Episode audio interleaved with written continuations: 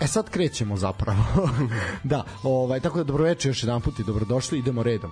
Uh, ono što... Šta si pogrešno stisnuo? Uh, nisi ništa pogrešno stisnuo, zato sam rekao da nam neko pošalje, ovaj, da li se čujemo, ima neki moment ovde koji se dešava, koji se meni baš ne sviđa, ali sad mislim da je sve u redu. Uh, možemo sad, ovde sad dobijam da je konekcija stabilna, tako da, ne, ne, to je to, ne dođe se na vreme, malo se kasni i ne može to, ovaj, odmah, odmah je, nivo profesionalizma u ovom studiju opada rapidno. A pohvalili smo evo, Daška i Evo, evo, Da, da. stiže poruka, ja čujem sasvim u redu. Naš dragi Aleksa, Ovaj, ovaj, iz, pozdrav. iz Beograda, da ne bude da smo mi ovde ovaj, lokalni. lokalni, da. Ovaj Potreban drugi Ne, ne, reč. pohvalili smo kako su ova dvojica jutro očistili studio, onda smo mi morali da useremo nešto. Jednostavno, mislim, nisu baš, evo ti dokaze, evo vidi. A dobro, Sa sreće naš radio na radiju, pa ja sad pokazujem prljave stvari. a dobro, vidi, znaš, jedno su, možda je ta šolja talična, čaše su oprane, ja ne Čaše? pijem iz šolje, tako da. da, dobro, ne pijem, iz ove ni ja neću sigurno, ali ovaj... Možda je to neki omaž Lab 76, ja sad ne znam. dobro, dobro, dobro. Znači, ovaj ove koji se kasnije uključuju, uh, bez Vuka smo danas i njegov aforizam će nam zaista faliti, a mi idemo uh, idemo redom. Uh, kažem, mnogo dešavanja je zaista bilo tokom prethodne, tokom prethodne nedelje, uh, ali ono što je svakako nekako naj... Uh, zvučnije i nešto zbog čega se moramo onako zaustaviti za trenutak i malo o tome porazgovarati i okrenuti se ovaj malo u, neke istorijske sveske ovaj otvoriti i malo se prisetiti nekih stvari. To je ono što nas je vest koja nas je potresla jel, u nedelju u toku negde podneva i prepodneva a to je da je uh, proslavljeni uh, centar for Partizana, ovaj on iz čuvene generacije Partizanovih beba uh, Mustafa Muja Hasanagić uh, preminuo u Beogradu. Uh, to je vest koja je zaista onako jako jako brzo odjeknula i to je vest koja uh, je zaista ne samo što je pokazala koliki je koliki je gospodin Hasanagić bio igrač uh, i kakav je bio čovek, nego je još jedanput pokazala da je, na, na, to su one, znaš, one vesti koje za uh, vrlo kratko vreme nakon što je sad pošto je protok informacija tako brz kako i velik kakav jeste u današnje vreme uh, jako brzo je onako odjeknula na prostorima gde je gospodin Hasanagić igrao fudbala, to je od Vardara pa do Triglava i zaista je uh, jako, jako ovaj, lep način na koji su se uh, svi uh, mediji, klubovi, bivši igrači i tako dalje i tako dalje ovaj oprostili oprostili od eto ovog zaista velikog velikog centarfora fudbalskog kluba Partizan. Uh, mi ćemo malo naravno se prisetiti šta je on uradio. On je rođen Jednog od najvećih sigurno. Tako je. Rođen je 41. u Priboju, ovaj debitovao je za FAP iz iz Priboja i svakako da je ono po čemu je najpoznatiji njegova karijera zapravo se cela odigrala oko Partizana. Uh, sa Partizanom je bio tri puta šampion države, to su one čuvene vezane titule Partizanovih beba. Uh, bio je je učesnik finala kupa evropskih šampiona 66 i tog je. pohoda. Asistent gola Velibor Vasović. Tako je, zapravo on je dao gol protiv svih osim protiv Real, Real Madrida upravo jel u finalu. Uh, kažu neki stariji ovaj da su mu uh, neopravdano poništili dva gola i te godine je treba zaista da bude ubedljivo najbolji strelac sa osam pogodaka, postigao je šest, a ja ću sad pročitati Ima, samo ima ta simbolika i 1955. su Milošu Milutinoviću poništena i još dva gola, ali on je i pored ta dva uspeo Bio, da, da. bude najbolji strelac. Pazi ko, kakva imena su su ostala ostala iza njega. Znači uh, Mustafa je sa šest pogodaka delio mesto na listi strelaca sa Connellyem iz Manchester Uniteda. Sedam je imao Florian Albert iz Ferencvaroša i veliki Eusebio iz Benfike. A iza naše Hasanagića su ostali Ferenc Puškaš, Amancio Amaro iz Real Madrida, George Best iz Manchester Uniteda. Tako da zaista zaista u društvu velikih velikih velikih fudbalskih legendi. Uh, ono što je Mala zanimljivo digresija, samo da, ta utakmica protiv Manchester Uniteda u Beogradu je jedina utakmica srpskog kluba koji je igrao u datom momentu protiv e, tri osvajača zlatne lopte. Da, vidiš što je zanimljivo, da. Da. A, treba reći na što isto ima mislim mnogo ima što se tiče Mustafe Hasanagića mnogo ima ove zanimljivih stvari Ove, a to je, na primjer, da je on jedan od redkih igrača koji je postigao više pogodaka nego što je odigrao utakmica. pa, to da. govori o kvalitetu. Da. Znači, ima 355 pogodaka, računajući prijateljske utakmice, a odigrao je 337, 337 ut, uh, utakmica.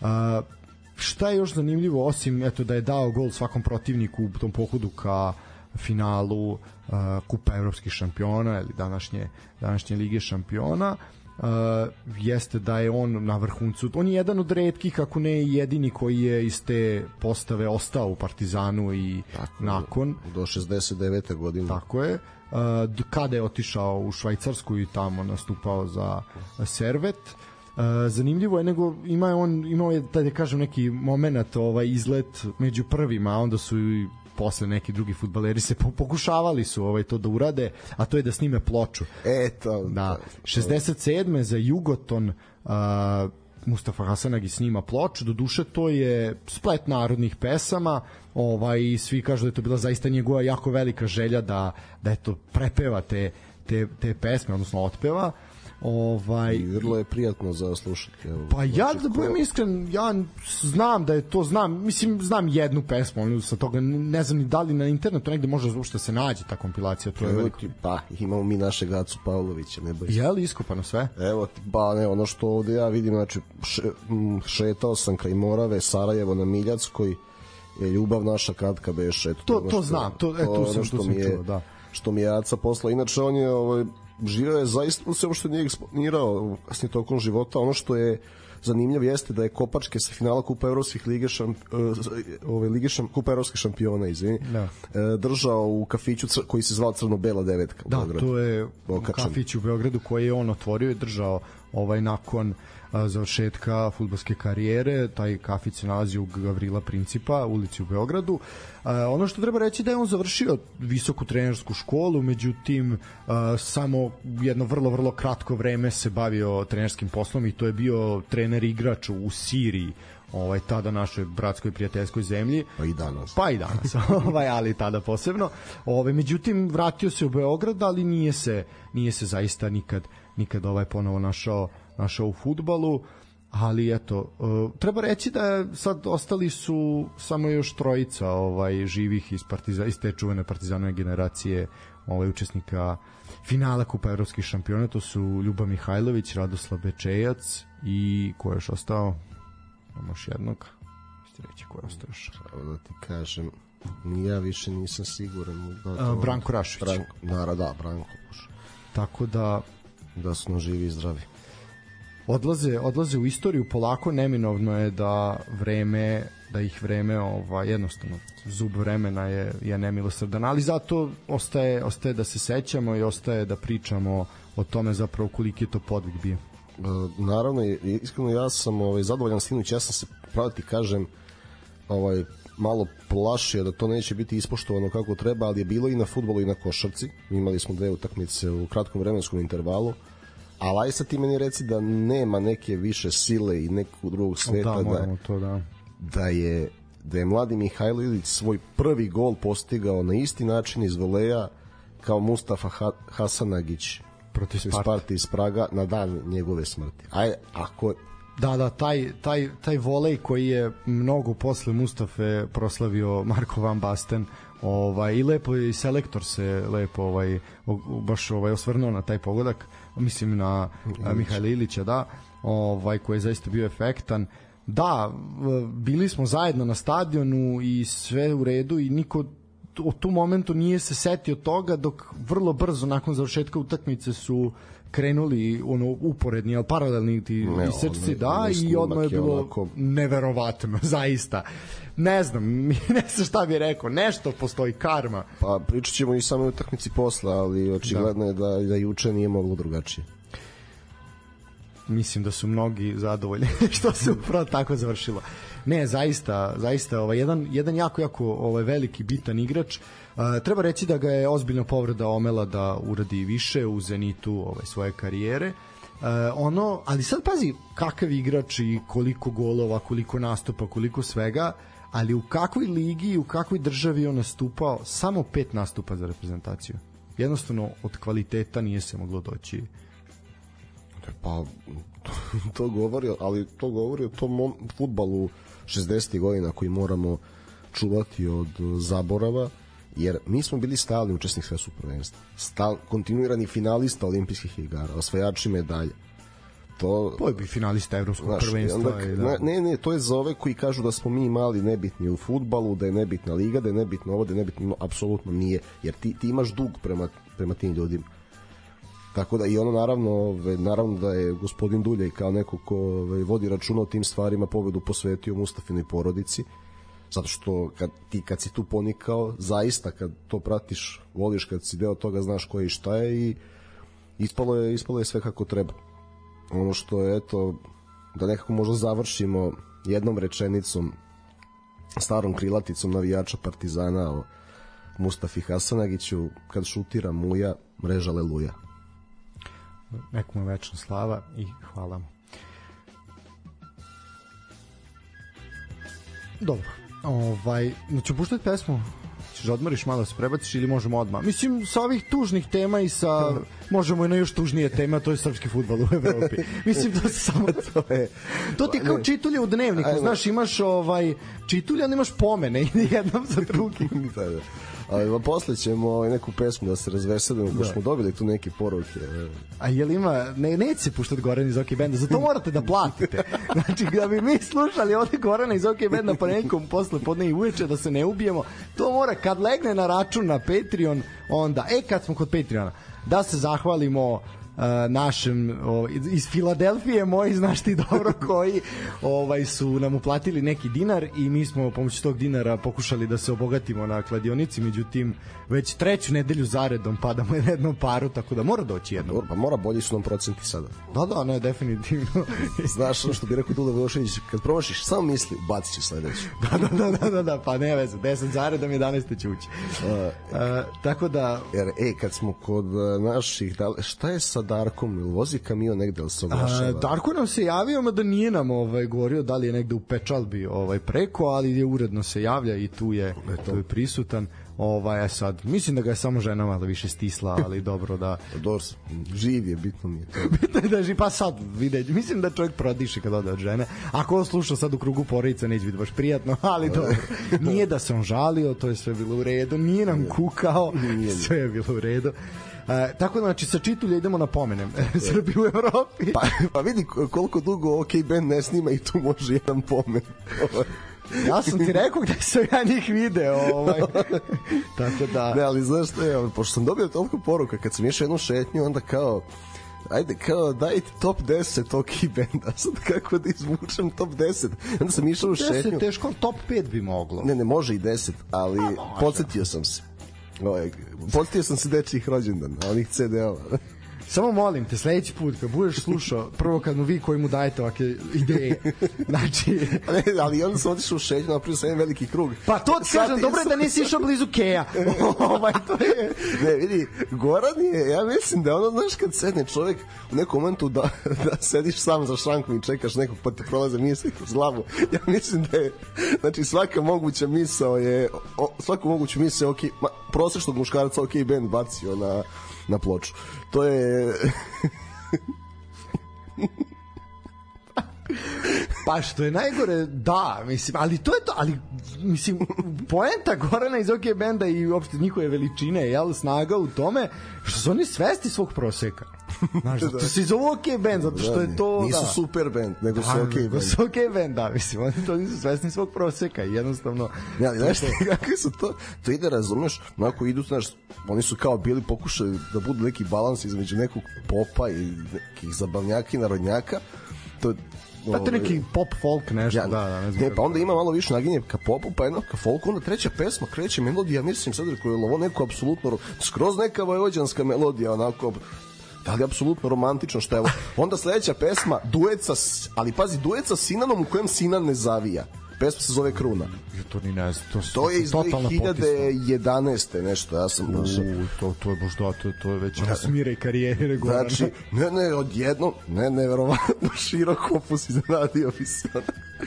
Pa da, znaš ono, uh, malo sam istraživao ovih nedelja prethodnih u vezi Taylor Swift mi je onako sad trenutno zanimljiva. I ona je lepo rekla, kaže, ona je, eto, za kojih koliko, nekoliko studijskih albuma, ovaj koje sad re-recorduje i šta sve radi, ona je u svakom albumu šetala i žanra u žanr, od country muzike do čak i repa, popa, tako dalje, jel, svega, svega tu ima ovaj, i ona se zahvalila svojoj publici, jer njoj public, publika je omogućila da ona istražuje i da bude jel, na svakom drugačija i da se jednostavno igra. Evo vidite, Goran iz OK Benda je to pokušao, ali nije uspeo. Goran je to onako ko, ko u sandvič, četiri žanra na isti album. Na, pa nekom će svet bar jedna pesma. Pa dobro, mi sad pričamo, ipak eto, da je razlika između Srbije i Amerike, to što Taylor Swift postala bilionera, Goran iz OK Benda peva u kanjiži u banji. Tako da, malo čisto da vidite gde. Da vidim Taylor Swift da peva u kanjiži u banji. Da, siguran sam, siguran sam da to neće desiti. E, dobro, ništa, e, idemo hronološki redom kako mi to najviše volimo, a to je e, utakmica prvi na teren su na Rajku Mitiću istrčali futbaleri Crvene zvezde. Crvena zvezda Leipzig e, 1-2 je bilo zaista košmarno prvo poluvreme, malo bolji utisak u drugom delu meča, Uh, imala je Zvezda čak i neke dosta dobre, da kažemo 100%, najgluplji izraz floskula za koju bih šamarao a to je 100% šansa. Znači da je bila 100% on bi nju dao. Ne može biti 100% ako nije dao gol. Znači onda nije 100% to, to, to je nešto zašto bih zaista streljao. Ovaj, A, dobro. To, a to je maderan novinarstvo iz to te floskule se nemaju uđu i nama u glavu kao deci pa, pa, pa se mi trudimo ostane da ti u izgovoru da. Mislim sve to stoji ali taj ono naš to 100% šansa ajde ovo lopta je okrugla i to, to te gluposti ovaj, to neću da, ali ovo 100% šansa to je uf, to me jako svaka utakmica dobije u drugom poluvremenu za to isto šamari bi leteli. Za to treba ljudi u kožnim mantilima da upadaju u kabini i da šamaraju. Ali znaš šta je problem? Ova hiperprodukcija portala, znaš, ti si nekad imao jednog Bobija Jankovića da piše gluposti, sad ih imaš 50. A ta 50 imaš i 350, da, mislim. A dobro, 50 izveštava o zvezdi otprilike, ima i drugih sportova, ali... A ima tu sa raznih izveštavaju, pa bude gluposti, da, ovaj, ali dobro. A, ništa, m, zaista Zvezda imala dobre šanse u drugom delu meča. Nažalost, nedovoljno da se da se izbegne poraz.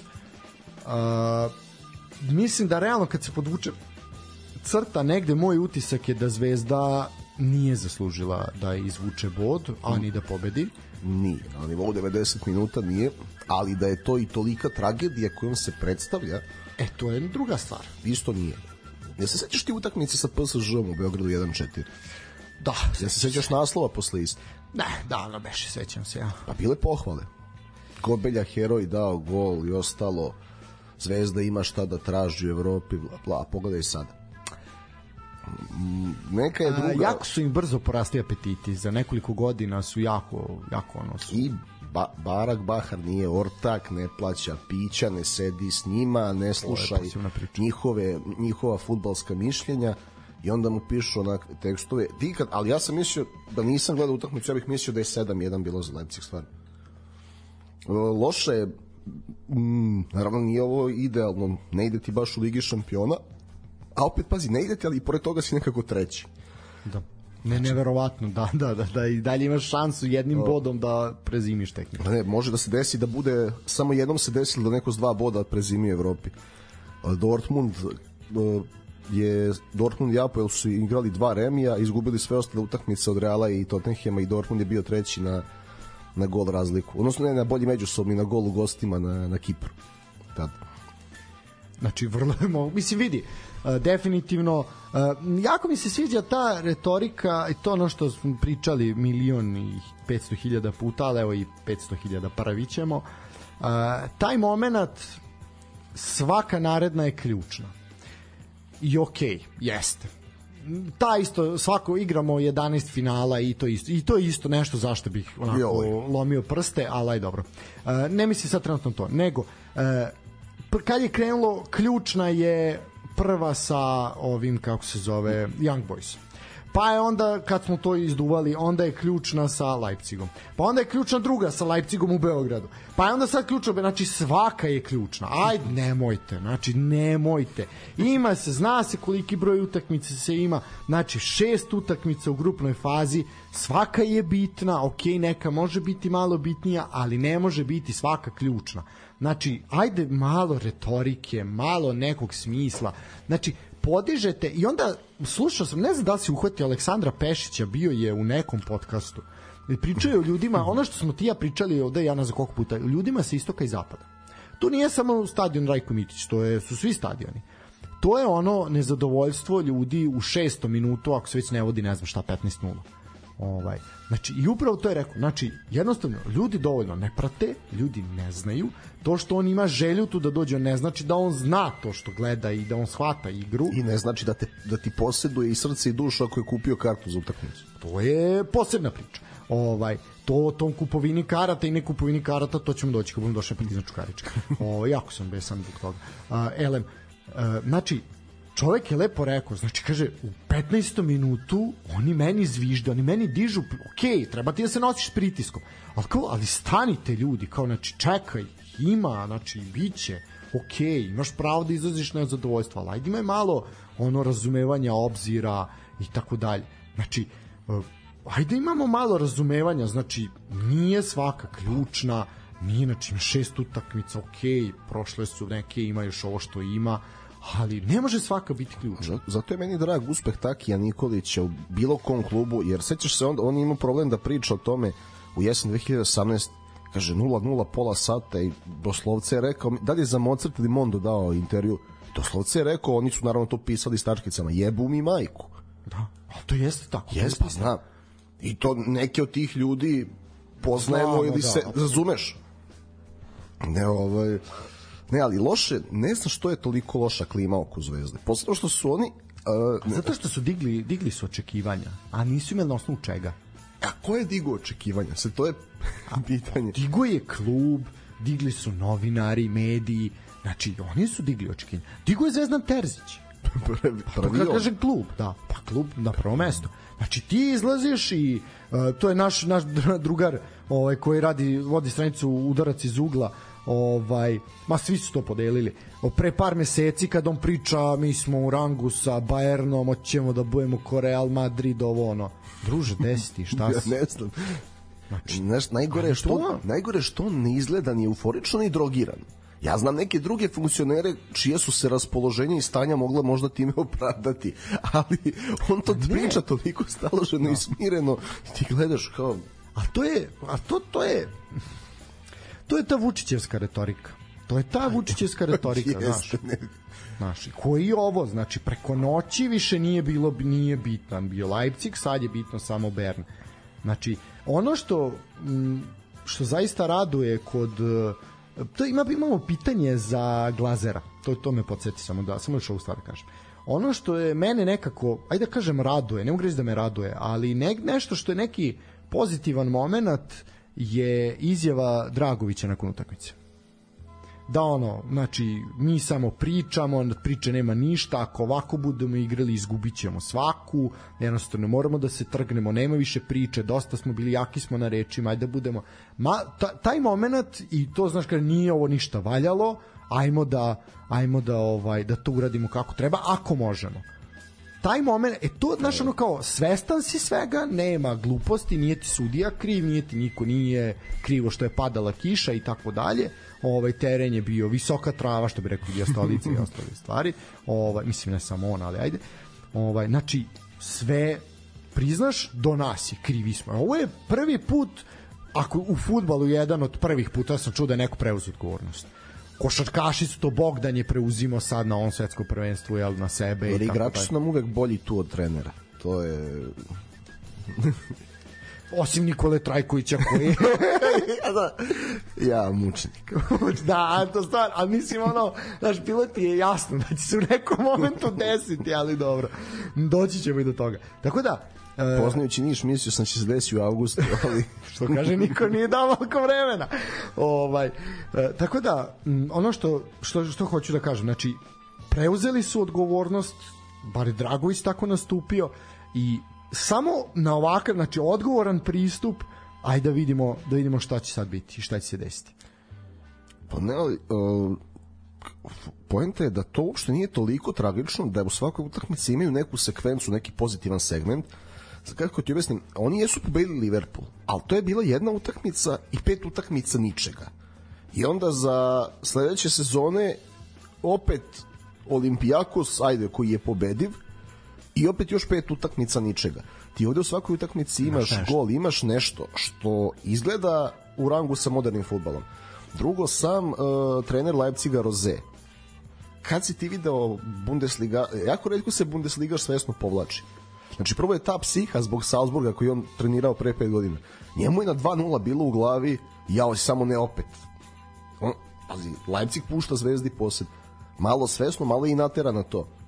Što je isto pozitivan segment. Ali daš toliki... Mm, oni su, meni su oni čudni. Da li je to neka nova generacija navijača zvezde? Ja ne znam šta je to. Jer oni su uvek bili nerealno euforični. Obično je ovaj drugi segment bio kod navijača Partizana ili možda Vojvodine nekih drugih klubova. Oni su uvek bili ta masovna euforija, šta god ma mi smo najbolji dobro i odjednom da se to izgubi kod njih, da sad ne valjamo, ne znamo, najgori smo, imamo najgoreg trenera, najgore igrače, preplaćeni igrače, no, nisu mi, nisu mi uopšte jasni. Nije to ništa toliko strašno. Ja sad stvarno mislim e, da je Young Boys pobediv u Švajcarskoj i da može da se bude treći. Nije, ne radi se o lošoj ekipi, ali se radi o pobedivoj ekipi. Da, ekipe s kojom, I mislim, da se pravi takav gnev, da se tera trener, da ovo, da oni igrači, bespotrebno zaista. ovo što si... Da može, bolje može. Apsolutno, naravno. Vi- Ono što si rekao i to se slažem s tobom, znači, do sad, pogotovo te, eto, spomenu si te grupe sa PSG-om i to, to, i to bilo takvih napucavanja i toliko nisu postojali na terenu, ovaj, Uh, sad imaš, ok, protiv City je to bilo 15 minuta, recimo. Imao si ovde više. Znači, imao si ozbilju minutažu gde igraš nešto, jebote, igraš ne, ima tu nekog Ne, smisla. ne deluješ ni fizički tako inferiorno. Protiv. Bundesligaša. E sad, što mi nemamo 90 minuta toga, odnosno ne, 70, nebitno, koliko god, znači što nemaš veći deo utakmice toga, to je sad malo problem i u našem dvorištu. Što mi nemamo takav intenzitet u ligi, da imaš takav intenzitet u ligi, onda bi mogo nešto da uradiš. Ovaj, mogo bi da pariraš. Mislim, s obzirom kakva nam je liga i kakav je, ako je Crvena zvezda, a jeste najkvalitetniji sastav, ovaj kao takav zato igra grupnu fazu Lige šampiona trenutno ovaj po meni je mislim čak da opet šalje nerealnu sliku da nije to taj bilo koji razmera ne bi bila identična, kako da kažem. Mislim da opet može najviše da pruži u Evropi, što smo definitivno i videli, u odnosu na sve ostale. Do, do ovih ostalih ćemo doći, to tek kriminala imamo. Ovaj, Može i ono što je jednostavno ljudi ne razumeju da je danas futbal znaš, kao stalno se malo moram šire da odem e, traži se stalno kao promena formata takmičenja ovo je dosadno pa dosadilo je zato što je bio, nije problem format format je super i gledali smo ga evo od 2000. godine koje već a, problem je koncentracija kapitala znači apsolutno je jasno da imaš negde 16 do 20 klubova gde su svi najbolji igrači na ovom svetu, a da su svi ostali približno tu negde u nekoj ligi Evrope. Zvezda je tim za Ligu Evrope koji ove godine igra Ligu šampiona. I ne igra uopšte tako loše, još može da prezimi, da ode u tu Ligu Evrope, a ako ode u tu Ligu Evrope, sigurno može još neku rundu dalje. tako je, tako je, tako je, apsolutno. Posebno što, poznajući njih, sigurno će biti aktivni u januarskom prelaznom roku. Tako, da, što bi rekao Terzić, bogati smo, novca ima, mi smo je sve konkurencije ovde i to je to. I najzaduženija organizacija na svetu je ona najuspešnija i tako dalje i tako dalje. Tako da će oni biti aktivni na tržištu, ali je point, ja ne vidim razlog da se prave te tragedije. A opet imaš, znaš, ceo život kukamo kako nema naše dece, evo ti čovjek na najvećoj sceni baca tvoju decu. Ja mislim da je to fenomenalno. To, uh, da, pričao sam s jednim čovjekom... Ali nije ovaj, usiljeno ono, eto, gurno sam ga... Sam ga Jer nema ko. Ne, nego, nego je stvarno taktički smisleno da on kao profil igrača nešto donosi. Nedeljković kao ofanzivniji bek od Da, da, Milovića. Kukalo i da- se. Kukale su, velika većina navijača Zvezde je kukala, a gde su naša deca? Partizan pravi decu, mi ne primimo decu. Evo on Sutra, dece. ako reprezentacija postaje neki veliki uspeh sa ovim generacijama, što bi rekli milenijalsima, pisaće da je neki od njih gurnuo Barak Bahar. Imamo trenutno trojicu koja ono su najbliža tome, jel? I Šljivić koji je na ivici. Da. Koji se meni čak i kao neka, se ja slabna te osmice, ali mi se najviše možda i sviđa. A, žao mi je što nisam, nisam, kažem, kasnili smo i sve, nisam stigao da Pixijevu izjavu prebacim, ovaj, da je pustimo, mislim da ću to uraditi u pauzi kad dođemo do toga, upravo je pričao o tim, o tim klincima u reprezentaciji. Uh, Elem, pitanje za Glazera, to je naš drugar Žika, ovaj, Mile, koju put, on putom pozdravljamo, ovaj, ima pitanje za, za toga, da li mišljenje o Glazeru, on kaže da je on kiksar, jer u smislu, ok, odbranio je 10 šuteva, ali onda primi nešto ala Carević samo na, na većem nivou. On, oni golovi i protiv Citya je kriv bio onaj je za jedan gol prvi e, imaš gde jednostavno pogreši ali opet znaš kao on je bio ja sam to pokušao žiki da, moj, evo moj stav pa ćeš ti reći svoj. Ovaj, znači imaš si protiv Citya gde on bio kao dete u Kragujevcu otprilike na streljanju ovaj, pa i sad ovo isto tako. Ovo sad isto što je primio ok, to jeste greška u ne, meni to deluje kao greška golmana, odnosno komunikacija odbrane i golmana, ko je tu trebao tu da skoči, da to očisti ili ovaj treba da izleti ovaj Uh, do, dosta je Carević za bogate u nekim momentima, tako to bar Žikino mišljenje. Ovaj, znaš kao, uh, po meni, on je čovek stvarno kao dete u Kragujevcu, ovaj, ono, na, na, pucaju na njega iz svih mogućih oružja i sa svih strana. I jednostavno, znaš, on možda obrani 15 šute, ali 16 ti mora primiti, po, da, da boga nema, mislim, to, to je jednostavno tako. ali onda opet se vraćamo na koncept modernog futbala gde je uh, jednostavno po automatizmu je frekvenca napada je mnogo veća znači u futbol je orijentisan prema dubini igrači poput Xavi Simons ili svima najpoznatijeg Mbappe, oni su za 2,5 sekunde u 16 metara, znači na, ako nema pritiska na nosioca lopte, igrači koji igraju u veznom redu ili pa i odbrani takvih klubova kao što je Leipzig će poslati dubinsku loptu i stal, stalno imaš pretnju, stalno imaš pretnju. Jednostavno je tendencija takva i ti, ti moraš da imaš nerealnu koncentraciju. A to ne, Znači nemoguće, onima koji kritikuju Glazera ne, ne, ne pogledaju, ne znam, Roberta Sančesa koji je iz Brightona došao u Chelsea. Znači Chelsea je povređena mu je cela odbrana i Sanchez je stalno na vetru i ne, ne možeš da ne pogrešiš. Ne možeš u nekom momentu što što kako ono Deki Stanković padne ti roletna na oči ne. Ovaj znaš, ovaj žuti tački žuti tačkice, ovaj. Znaš, mislim stvarno je teško. Dobar je Glazer i bolji je od Borjana, to sigurno. Mislim, nek se sete malo oni što bi, što bi rekao Željko Pantić, taj Borjanson kiksal prolazi nekažnjen. Pa da, ali mislim, ok, uh, Borjan je, spa, ali i čak i sa Borjanom, kad je Borjan, ako izuzmemo aj sad ove zadnje dve, tri, dve godine, kad je baš ono bio, ovaj, već, već se videlo da nije za tu najveću scenu, ovaj, zaista ima mnogo, mnogo grešaka i kikseva, ovaj, imao si, on je isto tako bio, bio kao, kao na streljanju. Jednostavno, ali on je isto vadio nerealne stvari, ali na kraju je beš ga mora ga primiti. Ne možeš sat i po vremena to da radi. Ne možeš, da. Mislim, to, to možeš jednu utakmicu to da uradiš, mo, ali ne možeš svaku. Što bi rekao Brando u seriji, igra se samo pred mojim golom. Pa. Mislim, pričali smo o Aleksandru Jovanoviću, eto, kao dva najbolja golmana lige su svakako Glazer i Jovanović. Pa onda, ali i druge ima jako dobrih i kvalitetnih. Carević nije jedan od njih. Ovaj, to će se svi složiti. Ele, znači, i on je protiv Čukaričkog bio na vetrometini. Bio je. I, po, I pod virusom i pogrešio pas, pa je E, prošao okej. neki, ne, na jedan, nisi, nisi video pas koji je pogrešio na jedan, jedan pa prošao nekažnjen. Video, gledao sam. A- ono, a, pratio, gledao da. Znači, okej, ali vidi, jednostavno, znači, čovek je dao sve od sebe, okej, primio je gol, mislim, ali ne možeš mu zameriti. 690 minuta nije primio gol, okej, desilo se, znači, nema apsolutno... I znaš, ne, ali znaš šta tu još ima? E, igra se brže, samim tim je doza rizika neophodna. To isto imamo problem e, sa komentarisanjem utakmica gde ti ipak je bitno ko to radi taj glas koji čuješ. E, doći ćemo uvodna utakmica ovaj, kola naše drage Super lige i golmani su dodavali ovaj po zemlji onako i komentator stalno govori rizičan pas, rizičan. pa nije nego se igra tako, igra se tako, znači ti moraš malo i da rizikuješ i da pokušavaš da igraš iz posljednje linije ako si pritisnut. Ako želiš da igraš da ne ispucaš loptu. I Rosić je imao nekoliko situacija stalno rizičan. I onda ti kad gledaš to ili slušaš, misliš da Rosić radi ne znam šta. On je zapravo uradio neke dobre stvari. moramo da se navikavamo da futbal ide u tom pravcu. Znaš, kas, ne, kas, ne kaska samo futbalska struka ili igrači za svetom, kasni ceo futbalski što bi Raka Đurović rekao sportski auditorijum. Apsolutno.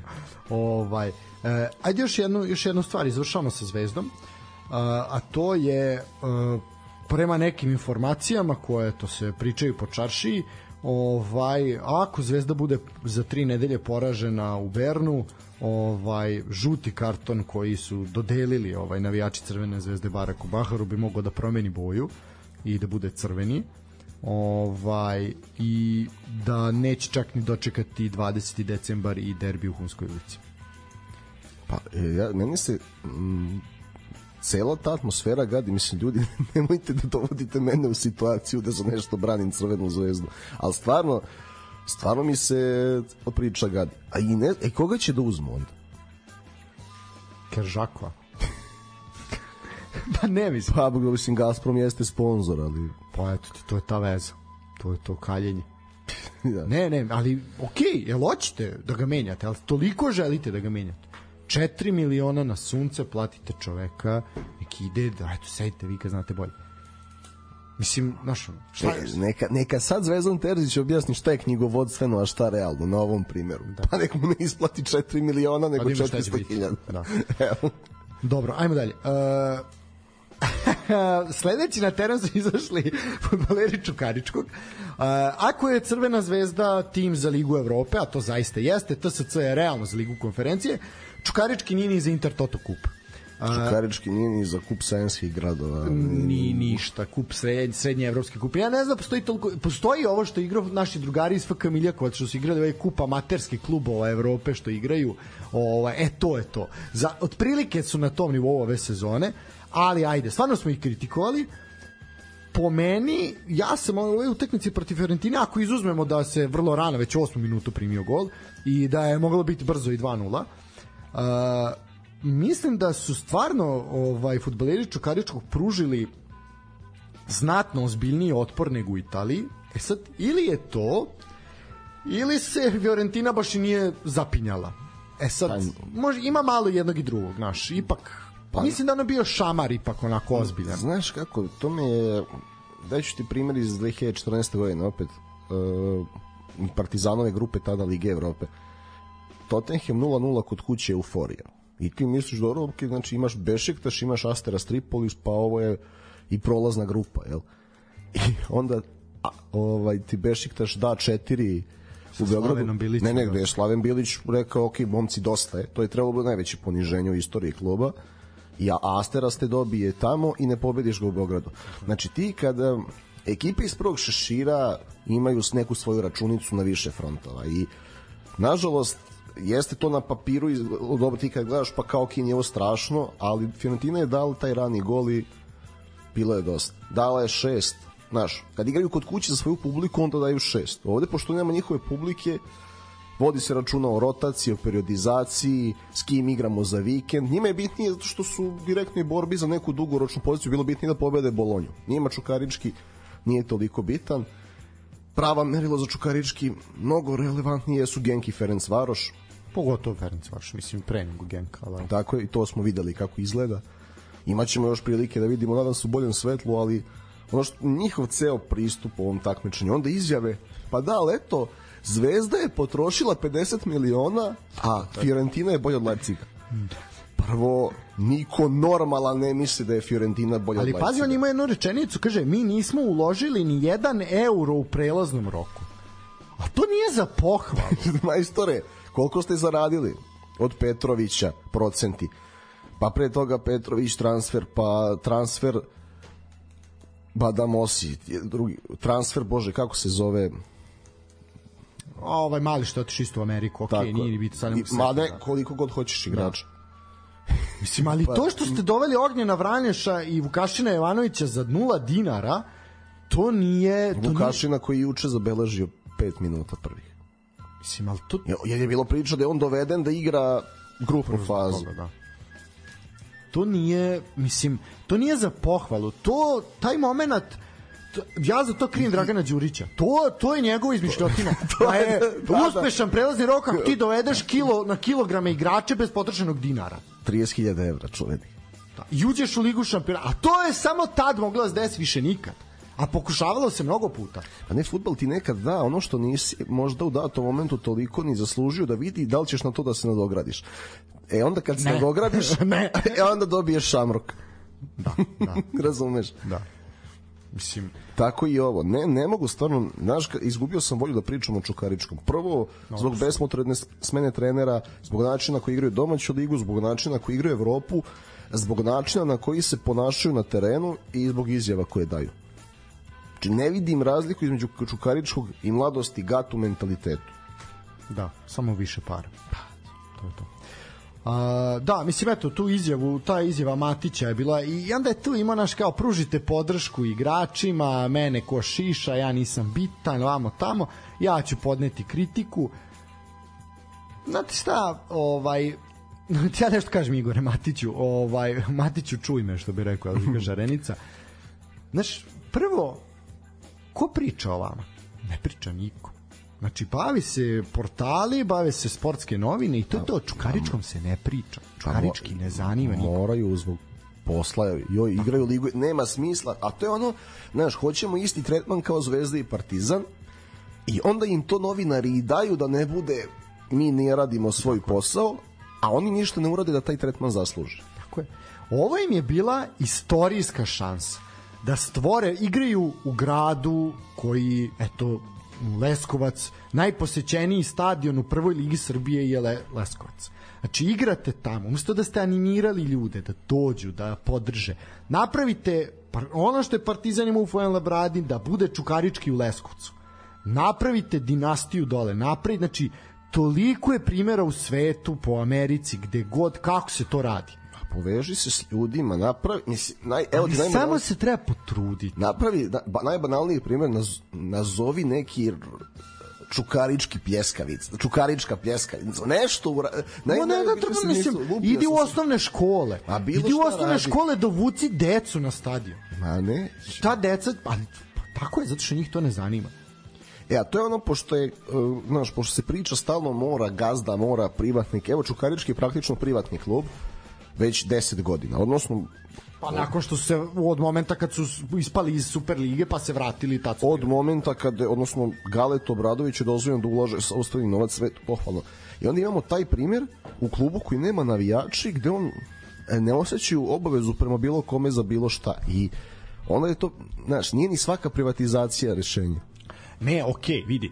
Uh, da li bi Čukarički bio u Evropi da nije priva, da nije poluprivatan klub? Ne, ne bi, ne bi. Ne. I, E sad, to što je Galet Obradović ovo neki zenit želje, to je sad iz druga stvar. Znači, ali to je sad pitanje šta ko želi da radi. Znači, on je procenio da je njegov biznis toliko širok i takvog kapaciteta. E, to je ono što je problem što se oni zadovoljavaju time. Po meni je to problem. Po meni, ja da sam Gale Obradovića, nisam, ja bih, ovo je bila neistorijska šansa. Ovo ti je bilo jedna u 30 godina, verovatno, ako ne više. I ne samo to, nego su, čak nemaju ni decu za izlog neku u toj meri. Jer recimo što se desi kada gube u poluvremenu ubace mladog Cvetkovića, premladog, koji ima 45 minuta, mnogo, a pritom ubac, ubacuju ga tako čisto da se zove da su ubacili, a recimo ovde Tunđi ne igra uopšte lošu utakmicu, nego nema podršku ostatka tima. I onda, ajde, eto, imamo ovog, da se zove, ima 16 godina, pa neko će se upecati. A njemu niti odgovara kontekst utakmice, niti odigra dobro, drži pognutu glavu jer, je, jer se nadobio batina. kad smo kod Batina. Freiburg TSC. 5-0. Ja. A, uf, Dobro, prva baš loša utakmica TSC. ne, ono što je, pa to na čemu smo pričali. Uh, E, Fiore, da Italijan stane na 1-0, Nemac neće. Pa dobro, na šta? Uh, Nemac je u Topoli igrao koliko mu je dovoljno. Ovde su onako stisnuli papučicu gasa do kraja. I meni je bilo jasno već i u toj utakmici u Topoli da će u Nemačkoj biti da će u Nemačkoj biti gadno. Ovaj jer ono što je Freiburg pokazao u Topoli, a TSC nije pokazao, to se sad to se sad pokazalo samo je bilo pod ono pod lupom. ovaj pod mikroskopom. Zaista pa čak i utakmica TSC za vikend je ono pokazatelj da je TSC u pauza vidi sve i svja trenutno. Ja ne znam kako stoje sa reprezentativcima, to ćemo doći do, do tog dela kasnije, ali ja se zaista nadam da imaju što manje, jer njima zaista treba poravak. Oni ne mogu više da dišu. Ne mogu, ma neće i ovako, bit će pauza opet raspored je takav da ide Evropa, ide zgusnuti raspored u Superligi, oni čekaju proleći, a i Čukarički isto. I mene, mene je ova sezona, znaš, što je bilo ok, jeste, da je u konferencu bilo bi to nešto, smo pričali, jedan rang su iznad nekih. Ali ne, meni je ova sezona pokazatelj da bez obzira na sve šta god ko misli o buduće prema Partizanu i Crvenoj zvezdi budem blaži kad igraju Evropu i možda ne toliko kritičan koliko sam umeo da budem. I znaš, onda se na, jao daj ovom, daj onom šansu. Ne, vidi, nama je trebalo, Aj, nama kao društvu je trebalo taj moment da vidimo još nekog u Evropi je, i da vidimo gde smo. I videli smo.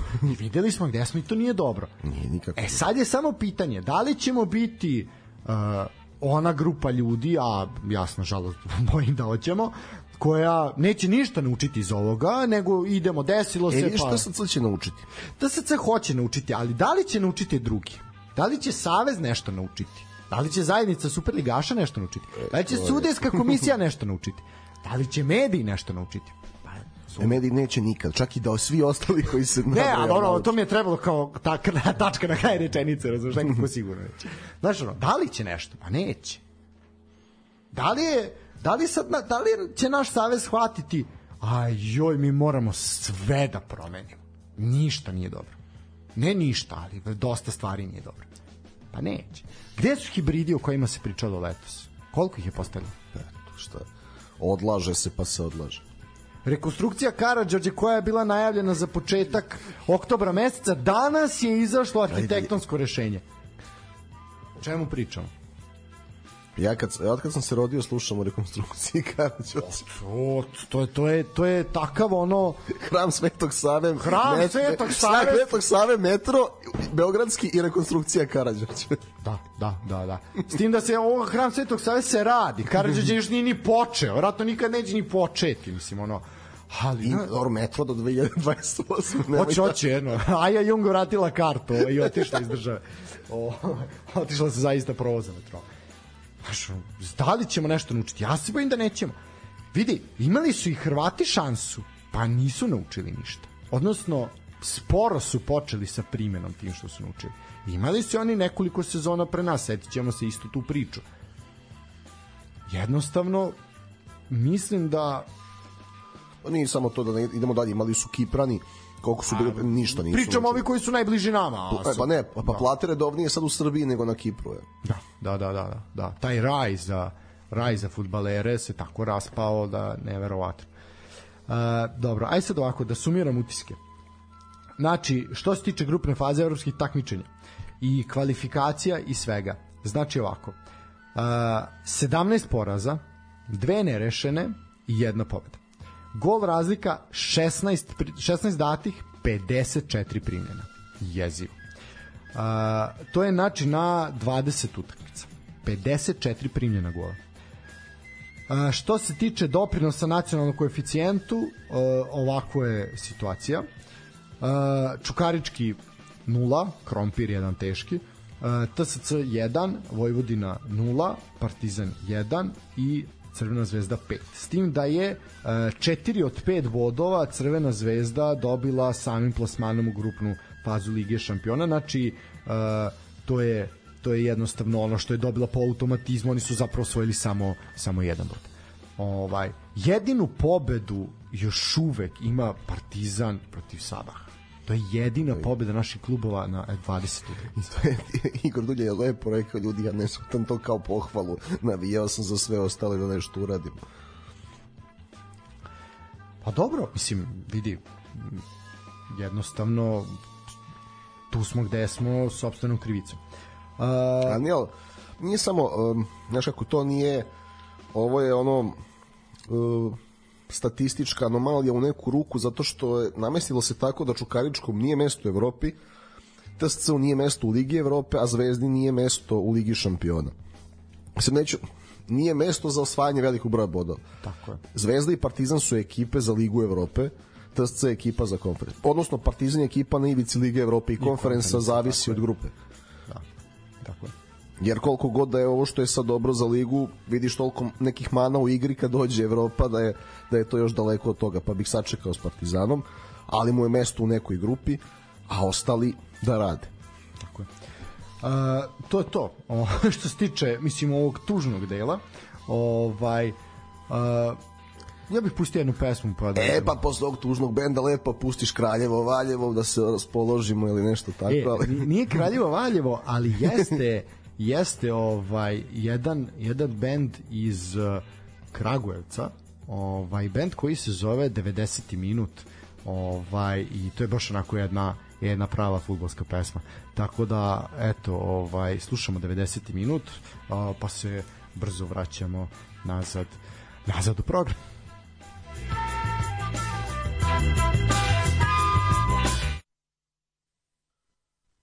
Velika pobjeda za nas, taktički, moja, moja be, doktorska utakmica, bata Toma, mislim da se slažete danas, besprekorna, desetkom sam položio opet ispit na jednom teškom gostovanju, na preteškom gostovanju danas, doktorat Nenada Lalatovića, doktorat sa desetkom, ponosan sam na sebe, jer ovo je posle finale kupa bila moja najbitnija utakmica u karijeri.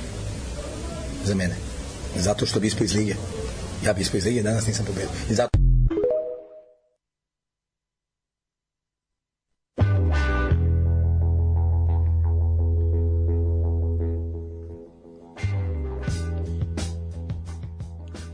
se to nama vraća kući?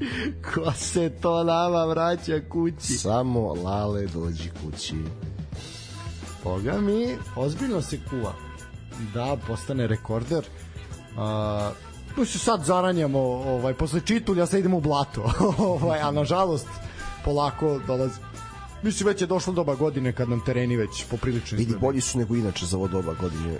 Bile su i duže vrućine, ali... Da, ali bojim se da sad ovaj zadnji, zadnji moment, ovaj kraj novembra i ovaj decembar koji igramo, ono, do Boxing Day-a, ovaj, otprilike, uh, bojim se da ćemo vidjeti svašta, ali ajde, nadamo se da neće biti tako. Uh, otvaramo priču, mislim doći ćemo do Lalata i do te priče, naravno kako, kako da zaobiđemo ovo. Uspeo sam da nabacim Pixija, tako da ćemo i to čuti u sledećem segmentu. Uh, Uh, Radnički Niš Novi Pazar, uh, tu utakmica koja otvorila ovo kolo. Uh, pa ti si ovaj pratio pošto je to bilo u ovom terminu radnog naroda. Ovaj ti si to ispratio pa mi reci svoje dojmove. To je ta emocija. Znači trčiš, završavaš radnu nedelju petkom i trčiš da gledaš Radnički Niš Novi Pazar. To to je ljubav, to se voli. Samo naša super liga. Uh, znaš kako kad gledaš ono rezultat, jedan gol, misliš, a neki srpski moj srpski brat, odlična utakmica. Odlična utakmica, prvo polovreme apsolutno apsolutna dominacija radničkog. Ja ne znam, Siniša Dobročinović kaže kontrolisali smo prvo polovreme, majstore izlaziti ljudi pred golmana, ne znam baš šta si kontrolisao, ali dobro. E, zaista nerealno je kako radnički nije postigao pogodak. Pazar imao šanse van 16 metara, ali je Rosić bio na visini zadatka. I na neki individualni kvalitet Ljajić je bio nateran da se vraća na svoju polovinu po loptu, da mu Mirković dodaje loptu. E, apsolutno bolji radnički saradnja krilnih bekova gde Vlajković ulazi u šansu koju mora da pogodi, ne pogađa je. E, ve, ve, igrači u šansi ne pogađaju, Škrbić pogađa i onda drugo polovreme znaš da Pazar ima dužu klupu, da ima bolje igrače i početkom drugog poluvremena isto radnički još imao neku inicijativu i onda ulazi brat Jin Ho Jo E, Kako se pripremao da izgovori kako treba, ali dobro ne, jesi dobro. A pa mora, pa mora ispoštovanje. I onda je zagospodario sredinom terena. Naravno se i Duba Suma uvek unosi živost, direktna igra licem ka golu. I ali opet kad sabireš u 90 minuta radnički nije zaslužio da izgubi možda čak i više šanse zbog tog prvog vremena pa i da pobedi. I šansa recimo i dobra izmena Trajkovića, Škrbić nije bio na nivou, igra, malo je usporavao igru, ubacuje Pavle Ivelja, onda Pavle Ivelja maši zicer, iako radi neke dobre stvari. Znači, baš se ne da. Onda Pazar počne da promašuje šanse, a Dešina suma i onda uz dosta sreće Đo pogađa Jamhama, lopta menja pravac i to je bio pobedonosni gol. Ali i bez toga dobra partija Đoa, mislim da je to jako važan transfer zato što je on je prvo završio u velikom klubu kakav je Fenerbahče na pozimici je ovde disciplinovan e, tehničko-taktički obučen dobro trenira, dobar primer za naše mlade igrače. Je, znači, znači da dobar stranac može doći u bilo koji klub. I onda, e, šta se dešava? Dešava, dešavaju se izjave posle utakmice dve nelogične potpuno. Prvo, za takvu igru Trajković nudi ostavku opet bez opet potrebe. Isto, opet isto, da. Ali, bez, ali dokazuje da se radi o lošoj sredini. Jer za onakvu igru vidiš da apsolutno sad da neću u detalje jer nemamo previše vremena. Dokazuje da da dokazuje Ali, da se nalazi u sredini da koja s- ne gleda uopšte šta Reći ću se ti samo da sam video, znači ta saradnja krilnih bekova, to su mehanizmi Intera i Inzaghi, da ne ulazim u dalje detalje. Znači ne vidiš da nešto čovjek radi. Zato što igrači to nisu sproveli. Mislim, ne znam još Trajković da uđe da da gol. Ja ne znam šta treba da uradi, koliko šansi je bilo. Znači, prvo ta izjava, pa onda ta izjava Dobrašinovića gde je on kontrolisao stvari na terenu, jedno odsustvo logike potpuno. I onda čuješ, znači umesto da se kaže trener dobro radi, jer, da li, evo ja pitam tebe, da li radnički ima tim za to posao? Ne. Igrački kadar? Ne, ne, apsolutno, ne. Znači ti očekuješ od trenera da uradi više nego što se može i kad ne uradi da još A znaš zašto? Mislim, u čemu, u čemu se ovde radi zapravo i zašto su takve izjave? To su izjave za ljude koji ne gledaju. A to su izjave, ti si odgledao ovu utakmicu. Onaj ko nije odgledao ovu utakmicu reći će, ma, sam si rekao, klasično srpsko blato, ništa, ovo nema, od ovo nije valjalo ništa. Znači, ali to je zato što, si, što ljudi ne gledaju. I ti onda možeš da daš takvu izjavu, I to znaš kao, to će neko pročitati taj izjav, ali bukvalno kao da imaju napisano na papiru šta da kaže ako pobede, šta da kaže ako izgube. Imaju. I to su neki od tih trenera koji to imaju. Imamo mi ovu grupu trenera koji govore ono drugačiji na drugačiji način smo već hvalili i. Dobrašinović je dao dosta dobrih izjava, ali sad, kaže, ne znam šta se, umesto da izađe neko iz kluba i radnički kaže, trener radi, igrali smo dobro, nije bilo sreće, nemamo kadar, mi moramo u januaru da dovedemo pet igrača i da trener sa njima sprovodi ovu igru da bi oni, mislim, ajde sad, ja ne vidim igrače radničkog, osim možda oporavljenog Andreja Stevanovića i tu još nekog da može da igra u klubu koji je u play-off klubu. Ne, apsolutno. Ne, ne, to, to je To bi moralo bi podrobno sa Lizera, ali nema više od tri igrača. Ah, da, nema, mislim, na šta je, zaista nisu nisu kvalitetni, ovaj, mislim u smislu kvalitetni. Pominje se Slavoljub Đorđević kao kao ovaj naslednik. Uh, ja radnički nije sa Slavoljubom Đorđevićem koji eto iz uh, Morao bi baš da se teram da gleda. Pa, to je prva stvar. To je svakako. Druga stvar, znači, iz Baby Tončev kluba dolazim u veći Tončev klub. Uh, znaš, ono, mlađeg bate i starijeg bate, mada ja ne znam nikog od njih dvojice koji je mlađi, koji je stariji, ovo, pošto izgleda identično. A, ali moramo, aj, kako smo kod braći Tončev, aj, dobro. Ovo, doći ćemo i do toga. Uh, ajde, dobro.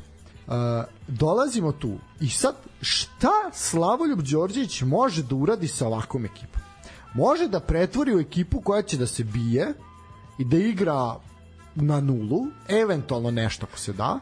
I to, o, futbal je umro Znaš šta može? u Nišu. Sad imaju jednog Mesarovića, a onda napravi 11. Da, da, bukvalno. Ovo je sportski aforizam, izađi napolje. ovo je sportski A, vule me inspirisao. Da, da, ne, ovo je biće, sportski. biće ponosan kad bude Da, slušao. ovo, je- ovo je sportski aforizam. ovaj, znači, zaista, ja ne vidim šta će tu dobro Slavljub Đorđević doneti. Svaka njemu čast. Biće tu disciplina. Ako je disciplina problem, A nije. Ali Sami igrači su izginuli. Ni, na, imaš utakmice kad se ne da. Ja ne znam šta je trebalo. Mene samo zanima da sad ovde nije da je ostalo 0-0 ili da je bilo 1-1. Znači Trajkovića niko ne bi dirao. Je moguće da je to? Je moguće da sad znači ta tri boda su bila presudna? Sad je duel sa Novim pazarom u početak novembra meseca i to je sad presudno. I ti sad umesto da pustiš čoveka koji ima još jednu reprezentativnu pauzu, da oporavi tu ekipu, da opet rade nešto, da opet napreduju, a de facto jesu, ovaj, u, u, nakon prethodne pauze, i ti umesto da tako opet, znači vidiš, ok, bolji smo nego u prethodnom ciklusu. Još su i teren popravili, podlogu. Nije, nema onoliko rupa. opet kažem, jel? sad, sad će teren biti nebitan sa Slavojom Ne, Đorđević, da. zaista mogu da igraju na, na šljaci. A ne, onda, znaš, možda se pobede dve utakmice, ali opet Po meni pucali ste sebi u noge i... pobedit će par utakmice, onda kada izgube par, onda će da smene Đorđevića što loše igraju. Da, onda će im faliti kreativnost. Onda će biti... Ne, ne znam, ja po meni, po meni ovo je budalaština teška, ali dobro. Ovaj, ne znam. Šta, da- mislim, što izjava Trajkovića i poslednja u nizu, a to je otišao sam sa s- očima punih suza, a praznih džepova. Nisam ovo video. E, a ja se, ja se nadam da će, evo, pošto svakako znamo da će biti smena trenera, ja se nadam da će on dobiti šansu u malo boljoj sredini. Pazar. Vrhunski je bilo. Pa vidi, sa, sa oliko talenta napred i Trajkovićem ne bi to bilo loše. Pa ne bi bilo loše, u tome jeste poenta što ne bi bilo loše. Ali... A i on, i oni su igrali s tri štopera i on to voli, tako da... Pa to vidiš, zato sam rekao, to, to je apsolutno, ja ga, ako, negde, to će biti, mislim, ja sam stvarno mislio da ta priča o Lalatu, da će to biti novi pas, mislim, to sam priželjkio, to bi bio, to bi Pornić, to, to bi bilo sve, ali, ajde, okej, okay, mislim, nerealno je, Ovaj pritom do, pazi, Dobrašinović je zaredao dobre rezultate. Da je on nije vezao ove neke pobede i dobre partije i Ne, sve. Dobrašinović uvek pravi dobre izme. Ima i sa čim, ali Ima i sa treba čim, pogoditi.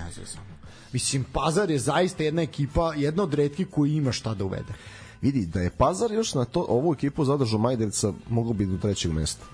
Jer tačno fali, po, znaš, pošto i Ljajić je Ljajić, ali uz njega ti fali brzine. I onda Ljajić, Ćepović, treba da imaš još dvojicu da zuje okolo, a baš i nemaš uvek. Ili ako imaš, ne donose baš dobre odluke u završnici.